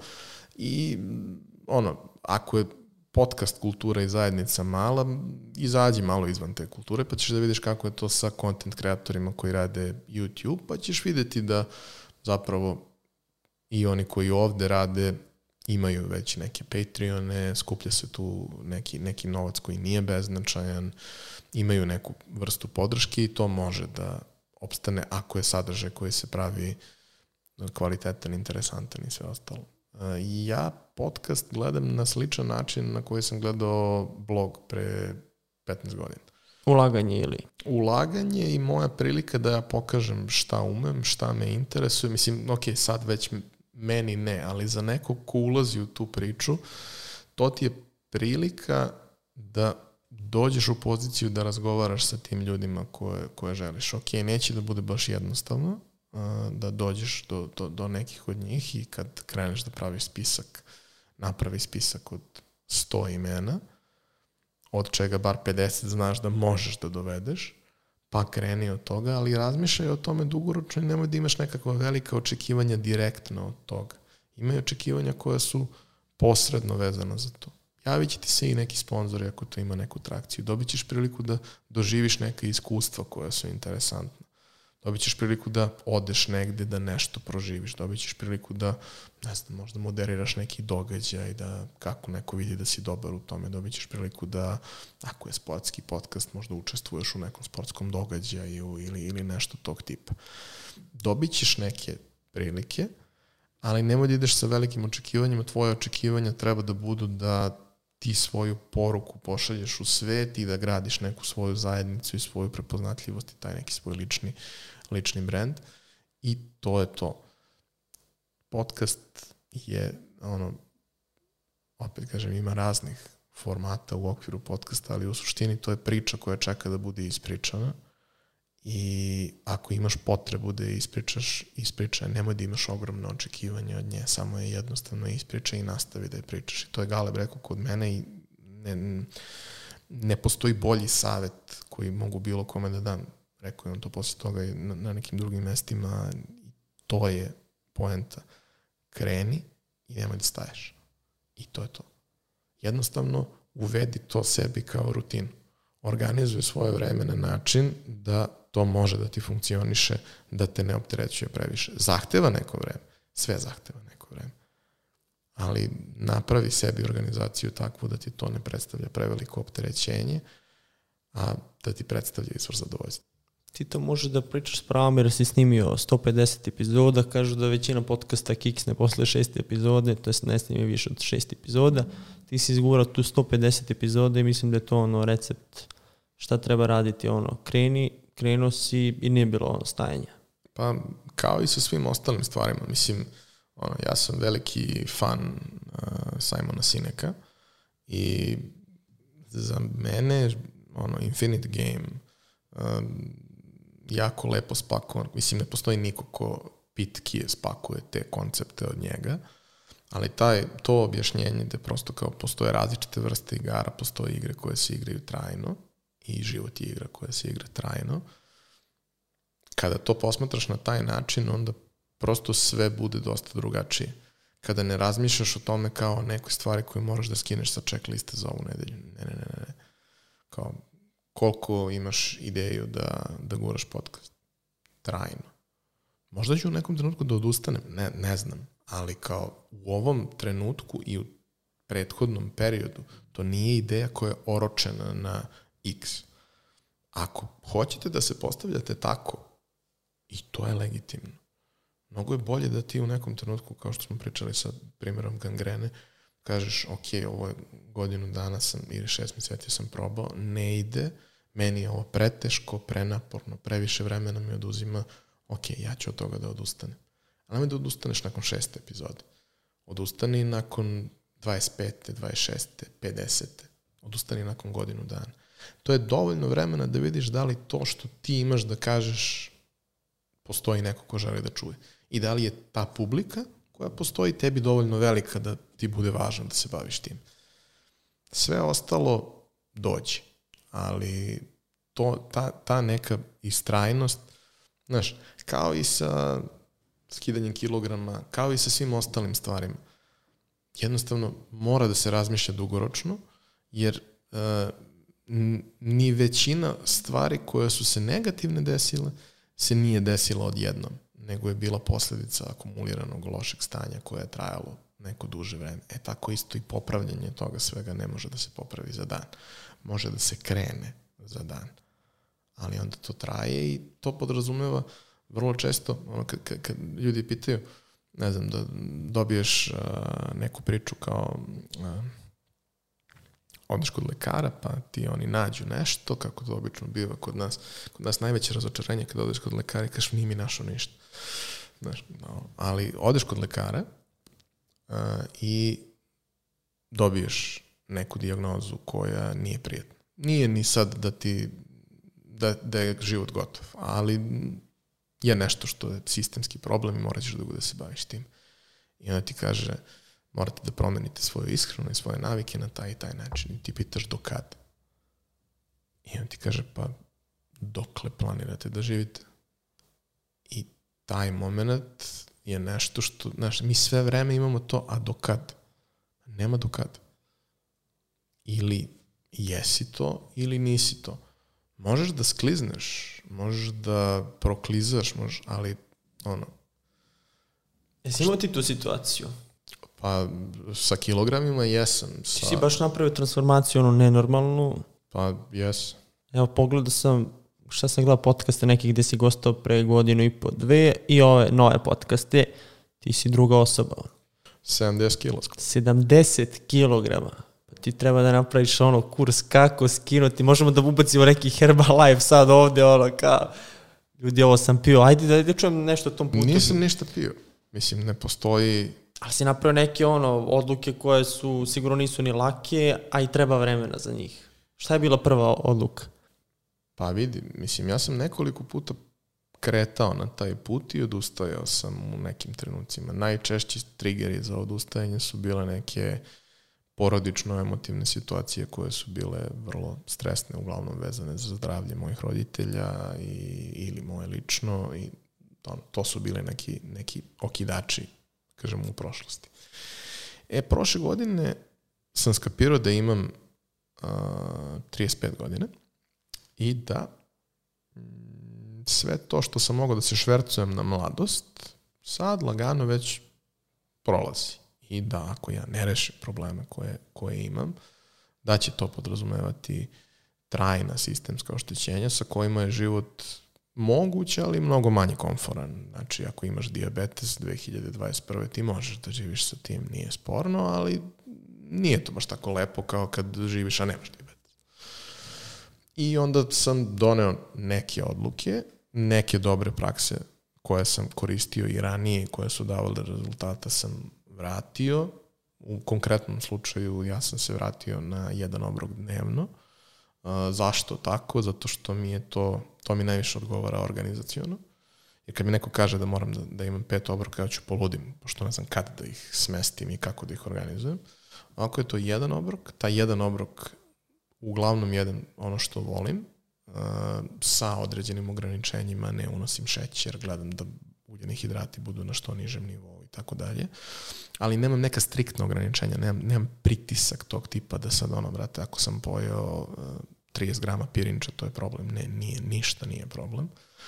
A, vrlo, vrlo dobro mi organizam reaguje na to. A, imam dosta nekih benefita vezano za, i za spavanje i za sve ostalo, jer a, ok, ja sam sad i smršao i sve, ali najgora stvar koju sam mogu da uradim dok sam bio debeo je da jedem nešto kasno uveče i onda to spavanje ne liči ni nešto. Ja sad legnem sa praznim stomakom, ali nisam gladan, spavam kao beba, probudim se ujutru, nemam napad gladi ujutru, jer prosto nikad nisam bio ta osoba koja ono nešto čim ustane mora da pojede nešto.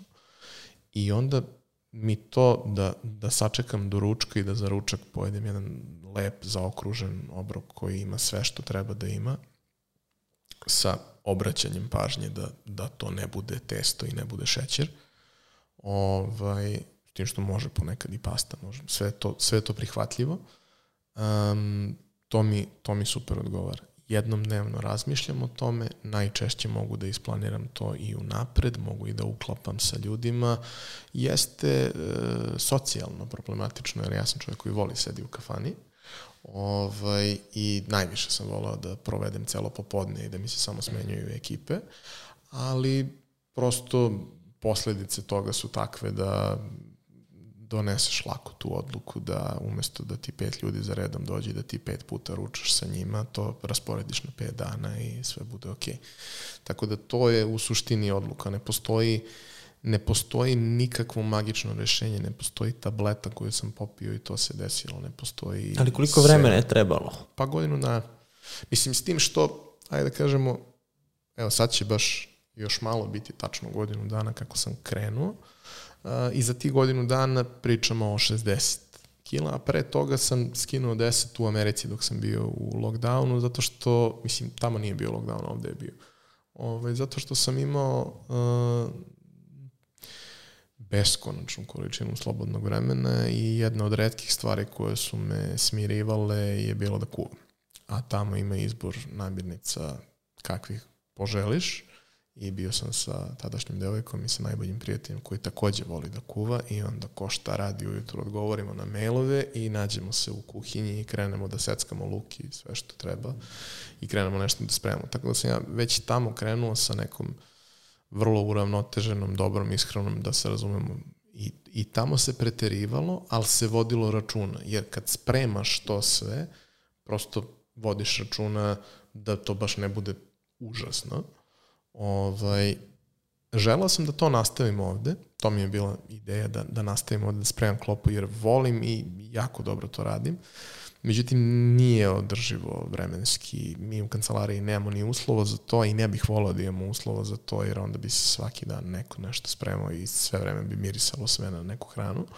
Ovaj, probao sam kući to da radim, nekoliko nedelja nije to to, jednostavno nisam bio zadovoljan, ali sam rekao, ok, ja mogu da napravim modalitet po kome ovo radi i sa dostavama i sa restoranima koji su mi blizu kancelarije ili kuće i da to i dalje bude prihvatljivo i da meni, meni radi posao, tako da to je u principu nema, nema čarovnog štapića, samo uh, kalorijski deficit kroz to suplementacija koja je bila vrlo ozbiljna jer suštinski skoro ništa nisam unosio kroz ishranu. A, suplementacija koja je došla od a, doktorke Vesne Mijailović, mog endokrinologa koji je razlog što ja nemam diabetes danas. Carica, apsolutno u svakom smislu. Znači, Vesna je potpuna carica i promenila je živote nekoliko ljudi u mom okruženju i hvala im beskreno što su mi je preporučili.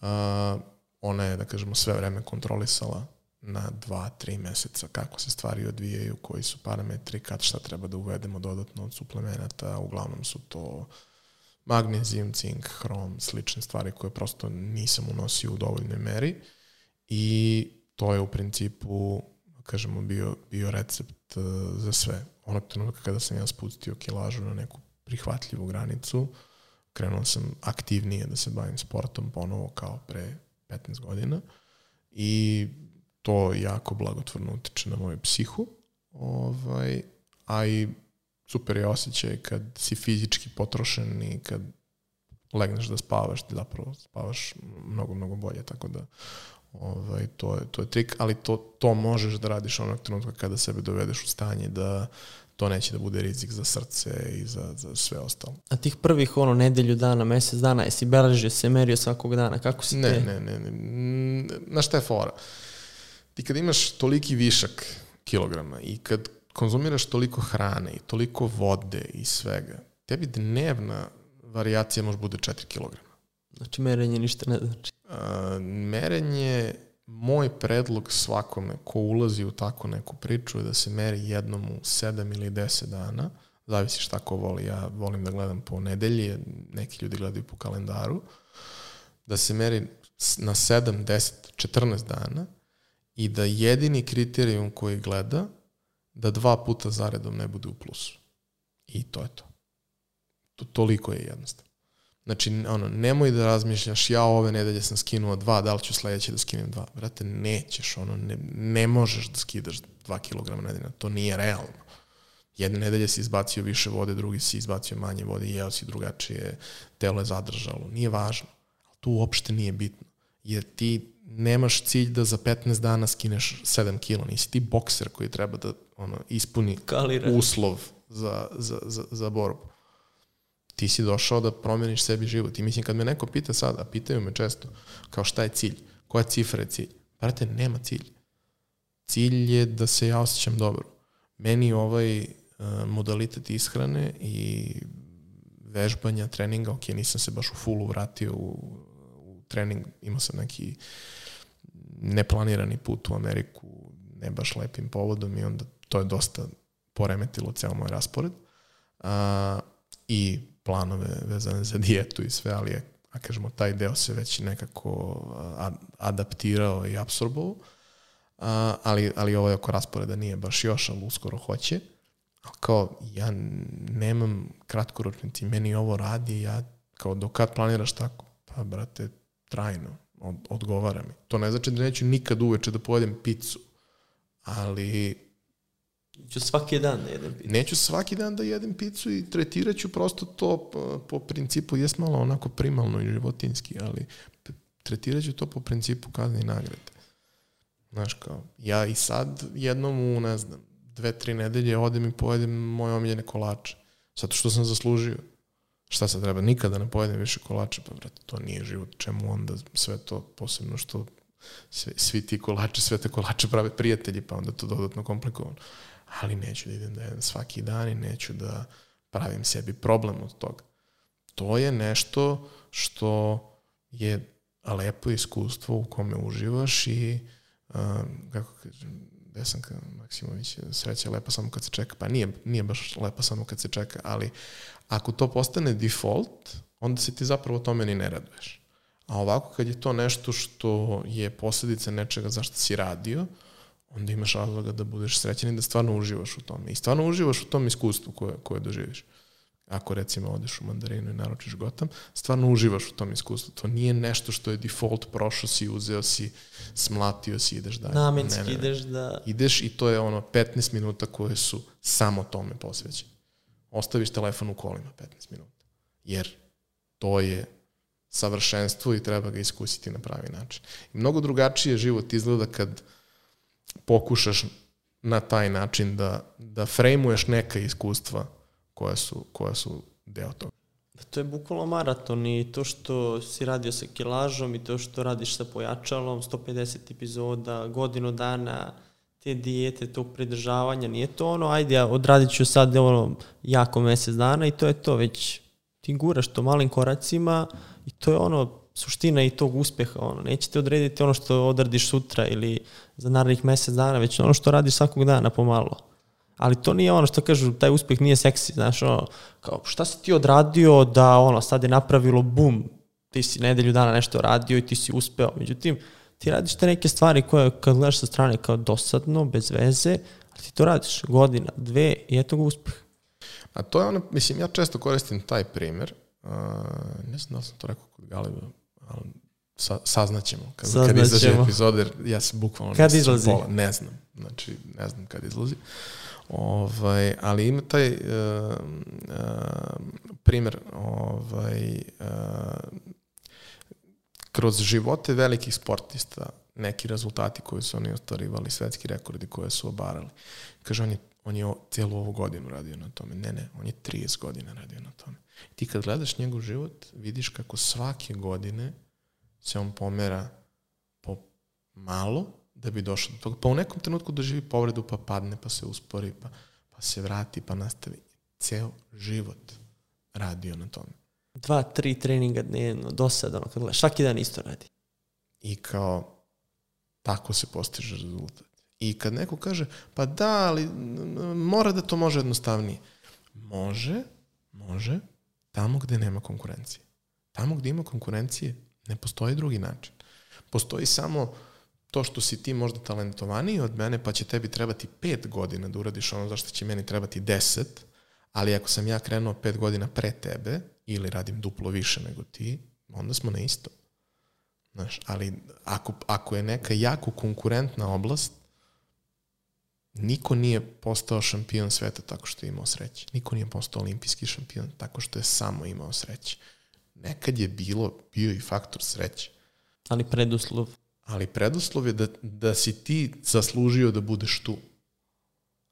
A da li si imao u tom trenutku malo više sreće od nekog drugog, pa dobro, i to je na kraju dana ok.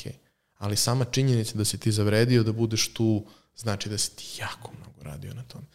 Imam među prijateljima ljude koji su i olimpijski šampioni i svetski šampioni u svojim disciplinama i znam koliko požrtvovanja i rada to podrazumeva. I nisam siguran da ja, koji, koji nemam problem da se posvetim nečemu patološki, da bih ja bio spreman na tu količinu žrtve. Ali ti kad gledaš sa strane, kao i sa ljudima koji imaju svoj biznis, svi su u fazonu, lako je tebi, ti si svetski šampion ili lako je tebi, ti si privatnik. Super. Evo svi da bude.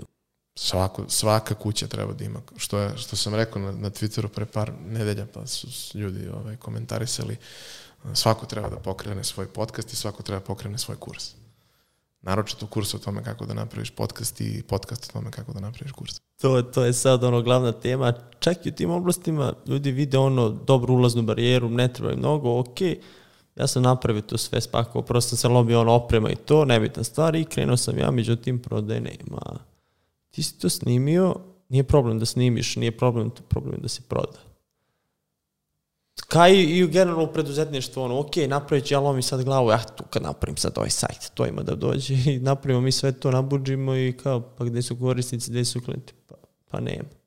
Pa dobro, mislim, mnogi stvari možeš da testiraš relativno lako i ne moraš da napraviš sve da bi video da li to zapravo nekog interesuje. Možeš da napraviš da izgleda tako i da probaš i vidiš da li, da li postoji potreba. Druga stvar je da prosto možeš da radiš na tome da potreba svakako postoji. Da radiš na tome bez pretenzije da će to da bude komercijalna stvar, kao što je podcast, gradiš, gradiš, gradiš, gradiš, gradiš, gradiš par godina, formiraš neku publiku i onda toj publici ponudiš nešto komercijalno i to će gotovo izvesno da, da, da funkcioniše za tebe ili blog ili nebitno šta, šta god da je u pitanju. Znaš, ali e, mislim i Gligorić i Istok i svi su pričali o tome koliko je negde važno izgraditi e, zajednicu ljudi oko sebe ako ti je to cilj. Ko, ne želi da ima zajednicu oko sebe ne treba to da radi. Ali ako ti je cilj da se baviš tako nekim stvarima koje dobro funkcionišu kad imaš potporu uh, veće grupe ljudi, onda moraš da se baviš community buildingom oko sebe i moraš da se baviš time da uh, budeš vidljiv u svojoj zajednici na neki adekvatan način. Sad, na, kad je to u pitanju, ima mnogo različitih pristupa i svako bira na koji način želi da bude vidljiv. Ja kad pravim paralele, kažem, možda biraš ono, koja pevačica hoćeš da budeš. Ima nas raznih. Ali uh, svaka ima svoje mesto i svaka ima svoju publiku. Znaš, tako da to je to je neki generalni savet za ljude koji, koji razmišljaju o, o, o tome da grade neku svoju dugoročnu priču. Ako je prave za ceo život, onda treba i da je grade za ceo život. Um, znaš, ono, kao, koji ćete, da je ona priča, ne znam od koga je potekla, ne mogu setim iz koje knjige, ali um, kada profesor kaže studentima, možete da kupite bilo koji automobil na svetu, bilo koji. Ali računajte da je to automobil koji ćete voziti do kraja života. Kako ćete da donesete tu odluku? Jel ćete i onda da kupite Ferrari? A verovatno nećeš. Znaš, I to je ono što, što prosto menja pristup u celoj stvari. Moj, moj, moje razmišljanje vezano za moje zdravlje i telo je bilo upravo to. Ok, imam jedno telo i jedno zdravlje. Kad ih izgubim, ćao. Nema nazad, nema rezervnih delova. Nije golf da odemo očafim i zamenim. Možda za, za 20-30 godina, ko zna, ali za sad nešto mi se ne čini da će to da se desi. Ok, ajde da onda to dovedem u red, ajde da to postavim. Šta ja znam da radim? Znam da vodim projekte. Ok, ajde ja to postavim onda kao projekat i da to tretiram kao projekat i da to ima prioritet koji zaslužuje da ima u mom životu. Jer u nekom trenutku je imalo, pa nije imalo, pa to onda nije funkcionisalo. Ali sad smo došli u fazu da mora da ima prioritet i onda je dobilo prioritet koji zaslužuje i desilo se sve što trebalo da se desi. Tu imaš onaj problem gde ljudi ono, pokvari se auto, to ne mora da se pokvari, upali se lampica, vodimo kod automehaničara, međutim šta se desi kad nama nešto fali, pa neka, lako će, čeka polako, nećemo da imamo kod doktora, ono. Preče je auto nego, nego zdravlje. Pa dobro, mislim, uh, živimo u jako stresno vreme, u jako stresnom društvu, ovo što se dešavalo u prethodnih godinu i po dana ni, nikog nije na dobar način ovaj, pomerilo. Tako da definitivno nije baš sjajno vreme da, da, da se prave neki veliki rezovi i prave neke velike odluke, ali prosto uh, nikad neće biti idealno vreme. Ja to sve vreme pričam svim ljudima ko, sa kojima pokušavam da, da uspostavim neki odnos, ko, ljudi koji čekaju da nešto krenu zato što čekaju idealno vreme, neće nikad biti idealno. Navikni se da je dovoljno dobro, dobro i da je to ono čemu treba da težiš i to je to. To je to. Kao i sa, sa podcastom. Je li svaka epizoda fantastična? Pa nije. Ali se desila. I sledeće nedelje se desila. I one tamo se desila. I postoji kontinuitet. I nije ni svaka trka kad si atletičar najbolji. I nije ni svaka trka kad si vozač automobila najbolji. Nije ni svako takmičenje najbolji. Nije ni svaki dan u prodaji uh, najbolji dan koji, koji ti se desi. Imaš manje i više dobro. Ali kad izvučeš prosek, bitno je da to bude ok. I znaš kako kažu, to, to je isto, pošto jedan od mojih najboljih prijateljica je Zorana Arunović, ona je više struka evropska i svetska šampionka u streljaštvu. I a, to je vezano za, za njihov sport a, i za automoto sport koje volim od detinstva, a naročito sada kad imam srđana koji je, mislim, teško je objasniti to bilo kako osim čuvar galaksije, a to je da ne pobeđuje u trkama onaj koji odveze najbrži krug i ne pobeđuje u streljaštvu onaj ko pogodi najbolji hitac, nego oni koji prave najmanje variacije između najboljeg i najgoreg. Svi oni voze brzo, ali oni koji prave najmanje greške kod kojih je margina greške najmanje, to su oni koji u proseku pobeđuju. E, to je ono što, što je fora. Ti imaš ludake koji će da odvezu neverovatan krug i obore rekord, ali će da se slupaju ako nastave da voze tako. Ja u mom odrastanju je bio Juan Pablo Montoya koji je tako vozio. Mi smo ga svi obožavali da što je bio lud, ali kao nikad nije napravio uspeh, jer tako se ne pravi uspeh. Uspeh se pravi tako što odvezeš 50 krugova sa razlikom od 0,3 sekunde po krugu. I to je to. Ista stvar kao i u streljaštvu. Ti kad vidiš šta oni pogađaju sa koje daljine i kad shvatiš da je razlika između uh, na 60 hitaca, razlika između prvog i osmog mesta je ukupno 15 mm na 60 hitaca. Onda skapiraš koliko je zapravo mala margina greške koje oni mogu da naprave. Da li ja mogu da pogodim centar centra na, na streljačkom treningu? Daj mi 15 hitaca, pogodit ću vrlo verovatno dobar hitac među tih 15. Ali ona može pogodi svih 15. Sa minimalnim, minimalnim razlikama. E, to je ono što, što je magija. A to dolazi kao posledica treninga. Ta vrsta predvidljivosti, ta vrsta stabilnosti dolazi kao posledica treninga i kao posledica sigurnosti u sobstvene mogućnosti. Ti znaš da to možeš i onda ti je lakše da to izvedeš. Bez obzira na sav talent. Znaš, ja stalno pričam to i već sam dosadan ljudima, ali kao gledajući ljude koji imaju talent oko sebe, ja sam shvatio da je talent prokledstvo. Jer ti talent spušta ulaznu barijeru u to što ulaziš na, na minimalni nivo, ti uđeš, najbolji si, opustiš se, za dva meseca te stigne neko ko nema talenta, ali ima radne navike i uništite nadalje. A ti si sav depresivan jer eto, tebi je teško, a njemu je sad super. Pa nije njemu super, nego je on u treningu, a ti si lenj. A lenj si zato što ti je bilo lako. E, ako možeš da u sebi napraviš mindset, bez obzira na talent, koji će da bude rad, radnički i ratnički, ne postoji način da, da, da izgubiš. Možeš da izgubiš pojedinačno neku bitku, ali dugoročno ti si pobednik. Odlična priča. I sad kad gledaš 35 godina, koji savjet bi dao mladom Ivanu, mlađe verziji sebe? Jel imaš neki savjet koji bi volao da si znao pre 20 godina, pre 15 godina?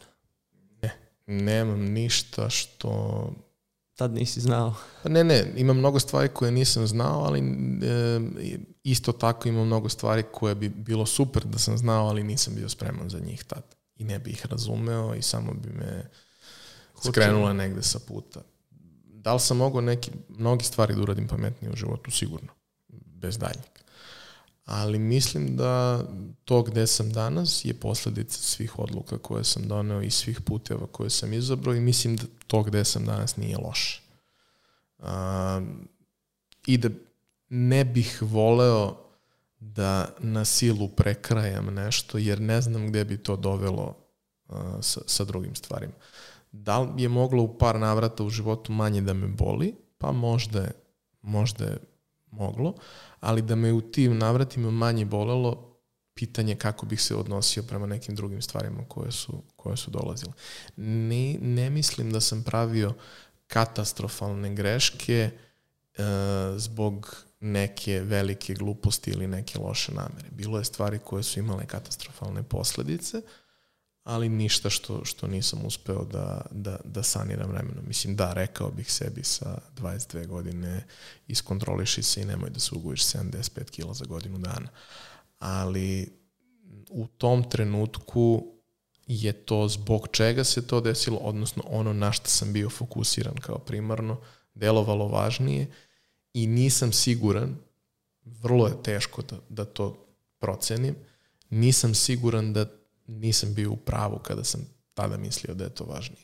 Odnosno, mislim da me je tih godinu i po dana, da sam za tih godinu i po dana završio dva fakulteta i da je to neprocenjiva vrednost sa posledicama koje uvek dolaze uz tu neku vrstu žrtve. Odlična priča, ono, dva sata i jače, pokrili smo dobre, dobre teme od onih koje su običajne za biznis priče pa do, na primjer, ovog mršavljenja i zdravlja, ali pokušao sam da to nekako ono spojim jer mislim da je značajno i ceo tvoj put taj i ta upornost da se vidi i da na kraju sve to moguće bez nekakvih čarobnih pilula, iako svi volimo te čarobne pilule, da ako mogu za nedelju dana nešto da napravim, jebi ga nema toga ni u biznisu, ni u preduzetništvu, ni kod mršavljanja, ni u fitnessu, ni u sportu što si rekao. Ili imaš za kraj neku preporuku za dobru knjigu? Naveli smo nekoliko knjiga, to je ti si naveo Simona Sineka, beskonačnu igru, to je jedna, ali postoji još neke koje? Mnogo knjiga. Postoji mnogo knjiga ovaj, i generalno preporuka ljudima je da a, ako ne mogu da čitaju mnogo knjiga, istražuju i onda odaberu one koje, koje im najviše imaju smisla. Danas ima mnogo lepih recenzija koje možemo da nađemo.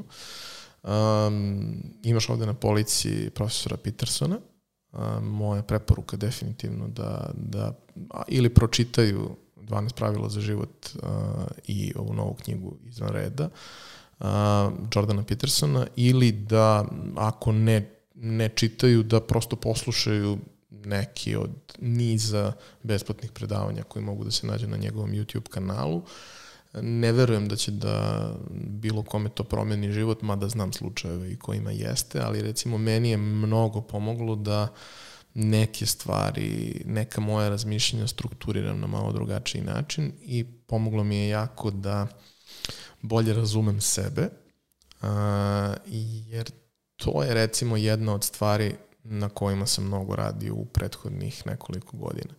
Do skoro sam ja samo sebe gurao preko granice onoga što, što sam u tom trenutku uh, video kao, kao problem. A onda sam promenio malo pristup i zapravo želeo da razumem zašto ja to vidim kao problem. Gde je tu problem? Za, zašto je meni neprijatno da ovo uradim? Ok, gurnut ću ja sebe preko granice, ili to treba da se desi i dalje, ali ajde ja to razumem, ajde da shvatim šta su negde ovaj, parametri neke moje mentalne slike i tako dalje i da prosto uh, uh, skapiram da sam introvert, skapiram da imam neke um, ne znam kako bi to rekao na srpskom, ali neke specifičnosti koje nisu baš uobičajene i da ne mrzim sebe zbog toga, prihvatim sebe da, da jesam takav, ali da onda vidim šta mi to možda otvara kao neke dodatne mogućnosti i na koji način da funkcionišem mimo toga. Tako da Peterson, uh, dobar izbor. Uh, Što se tiče biznis literature, zavisi ko šta voli. Ja preporučujem definitivno Sineka, preporučujem definitivno recimo Rajana Holidaya ko, ko voli takve neke stvari. Moj, moja navika je da kupujem knjige na Book Depositoriju, na engleskom, jednim delom zato što mislim da su naši prevodi najčešće užasni, ne uvek, ali ponekad da, a drugo, zato što volim da čitam u originalu kako su ljudi pisali, a, i a, ko se opredeli za, za tako nešto, onda ima mnogo veći izbor literature, a, moja definitivna preporuka da, da čitaju a, Dejva Trota, knjige su kratke, njegov blog je takođe kratak, on je jedan od ljudi koji su potpuno promenili način na koji ja razmišljam o marketingu kad sam ga upoznao pre, pre nekoliko godina, pre deseta godina zapravo kada sam ga doveo na konferenciju koju smo pravili 2013. Čovjek je jedan od uh, najkreativnijih ljudi u istoriji marketinga, neko ko je bio ovaj, deo DDB-a još u vreme kada su nastajale one kultne kampanje i dan danas je kreativni direktor ovaj, jedne agencije u Londonu. Fantastičan, fantastičan lik. A, ostalo, naravno, prema ličnim nekim interesovanjima, ali prosto ako vas zanima marketing, moja preporuka je uvek da uzmete ljude koji su tu uh, od početka i istražite neke njihove priče, da li je to George Lois, da li je to Hegarty, da li je to Ogilvy, da li je to neko od njih, zavisi, svako će naći ono što mu odgovara, ali kao to je nešto što, kako je došlo do ovoga što se danas dešava. Takođe, ne znam, biografija Henry Forda, autobiografija Henry Forda je fantastična, Steva Jobsa, Znači svako treba da nađe ono što, što, što mu leži i da onda istražuje tu, tu priču nadalje. Meni su interesantni recimo kao format dokumentarci i dokumentarne serije i podcasti, zato što ne zahtevaju tu vrstu pažnje koju zahteva čitanje. Nisam se nikad navikao na audio knjige, slušam ponekad, ali nije mi to, nije mi to to.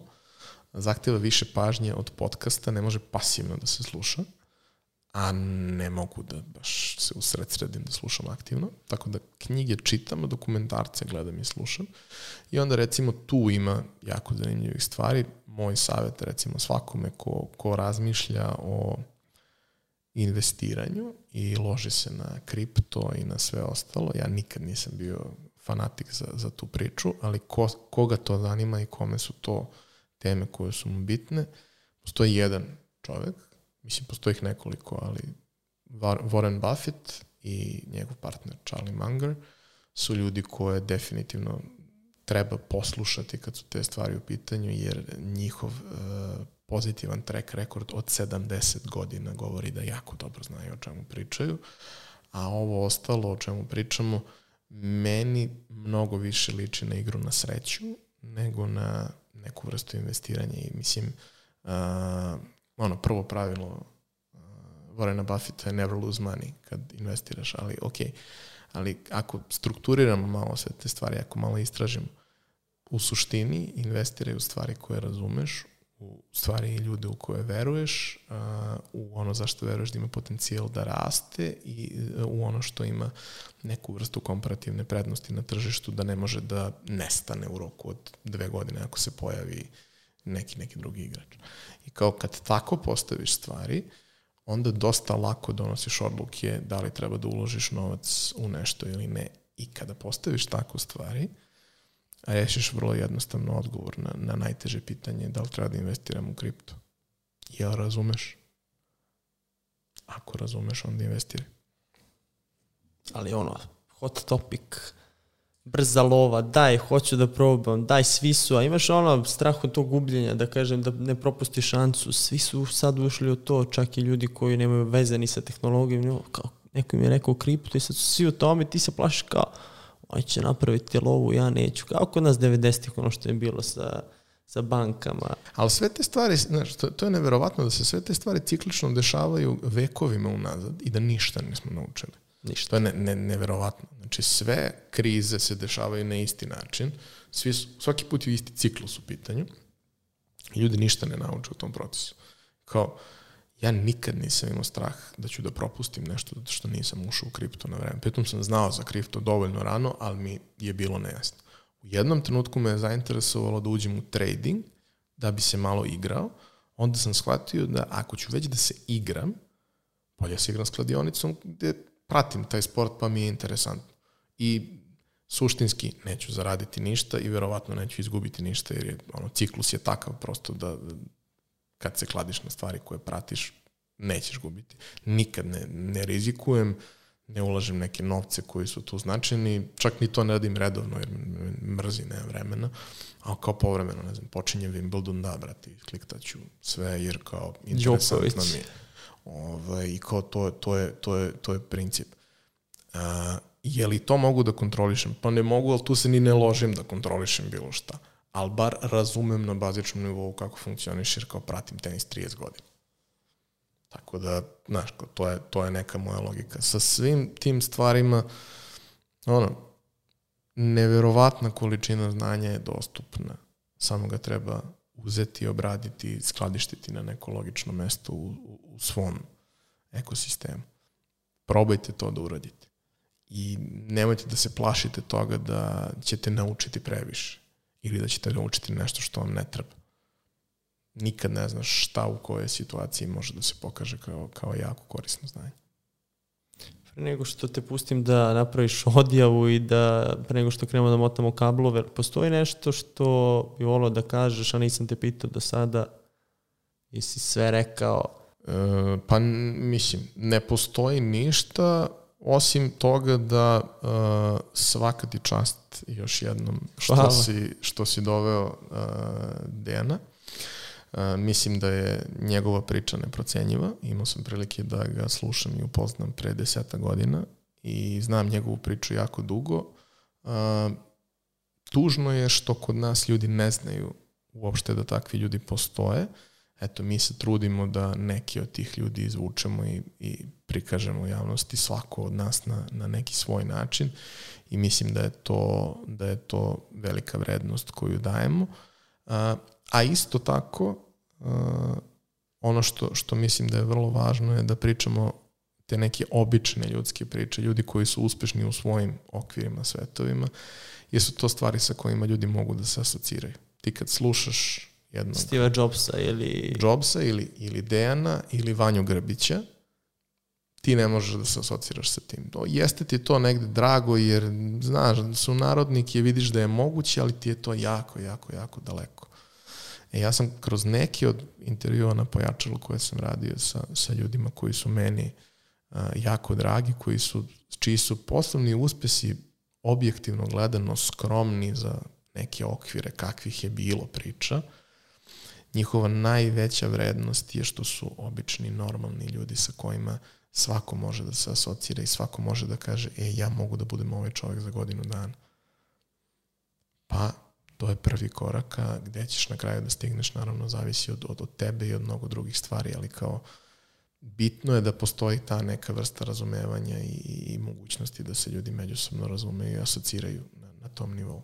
To je odlično. Sad, znaš ko mi je to još rekao, bio je kod tebe gost Radera Kočević, kaže, koga briga, ja sam osnovno firmu pre 30 godina, daj ove klince što sad prave nešto, ono što možeš lakše da se povežeš, što lakše možeš da, da pokreneš, to su ono priče, kaže, koje treba obavezno podeliti, tako da mi je to isto, isto sam uspio požen sa ovim što ti pričaš. Onda neko može da se poveže, da ne bude neka priča što ti kažeš Vanja Grbić ili Dejan kao pa to IHH, već neko sasvim običan iz komšiluka koji je napravio nešto, da kažeš ok, to mogu ja.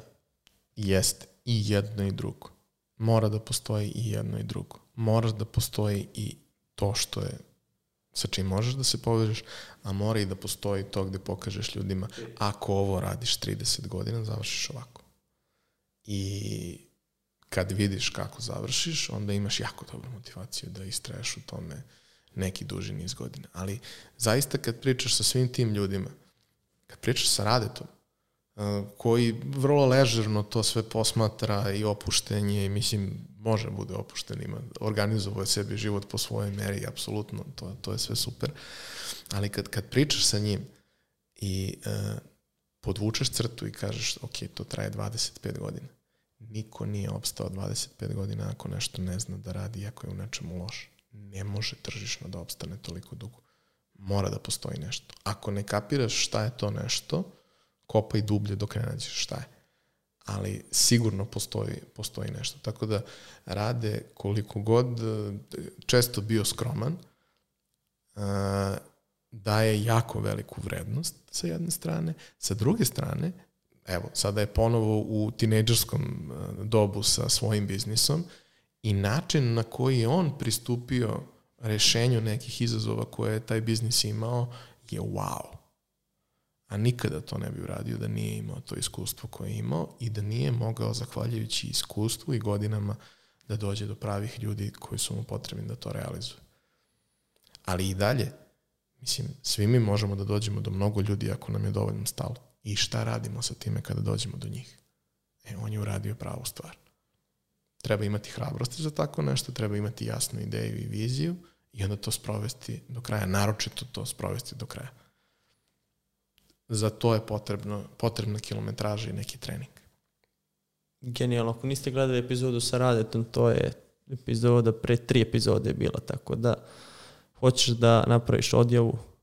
Pa nema odjava, samo bih se zahvalio tebi na prilici i svakome koji je izdržao da sluša uf, skoro tri sata. Ovaj, nadam se da je, da je bilo interesantno, da je bilo korisno i apsolutna podrška za sve što radiš e, i za tebe i za sve kolege koji pokušavaju da rade slične stvari, svako na svoj način. Znaš, dosta ljudi sad komentariš, ima mnogo podcasta iz oblasti preduzetništva. Nije bitno. Svako ima svoj način kako priča priče i svako ima svoj svoju publiku koja se negde preklapa, negde se ne preklapa, ali to jesu poruke koje su važne da se pošalju. Nadam se da smo poslali danas neke, neke korisne i važne poruke ovaj, nekim ljudima koji su na prekretnici, a onima koji nisu, eto, teme za razmišljanje, pa jednom kad budu na prekretnici da možda lakše naprave taj skok u, u nepoznato, jer um, to iskustvo koje stekneš razvijajući neku svoju priču do koje ti je stalo je neprocenjivo i ne može da se meri ni sa čim drugim što ćeš u životu da radiš. Možda je stresno, možda je teško, možda je bolno, ali je neverovatno vredno i e, čini nas mnogo boljim i kvalitetnijim i čovekom i profesionalcem i u svakom drugom smislu. Tako da to ne znači da sad svako po svaku cenu treba da bude preduzetnik, ali ako te vuče, pusti da te povuče u nekom trenutku kad proceniš da, da je dovoljno dobro da može da se počne. Bolje kraj nisi mogao da, da napraviš. Imaš milion pitanja, ali ostavit ćemo nešto i za sledeći put. Tako da, bili smo tri sata. Hvala ti što si bio gost, hvala ti što, što radiš to što radiš što si napravio toliki kontinuitet, što si pokazao da je to moguće da se napravi, mislim da je dosta. Hvala ti još jednom.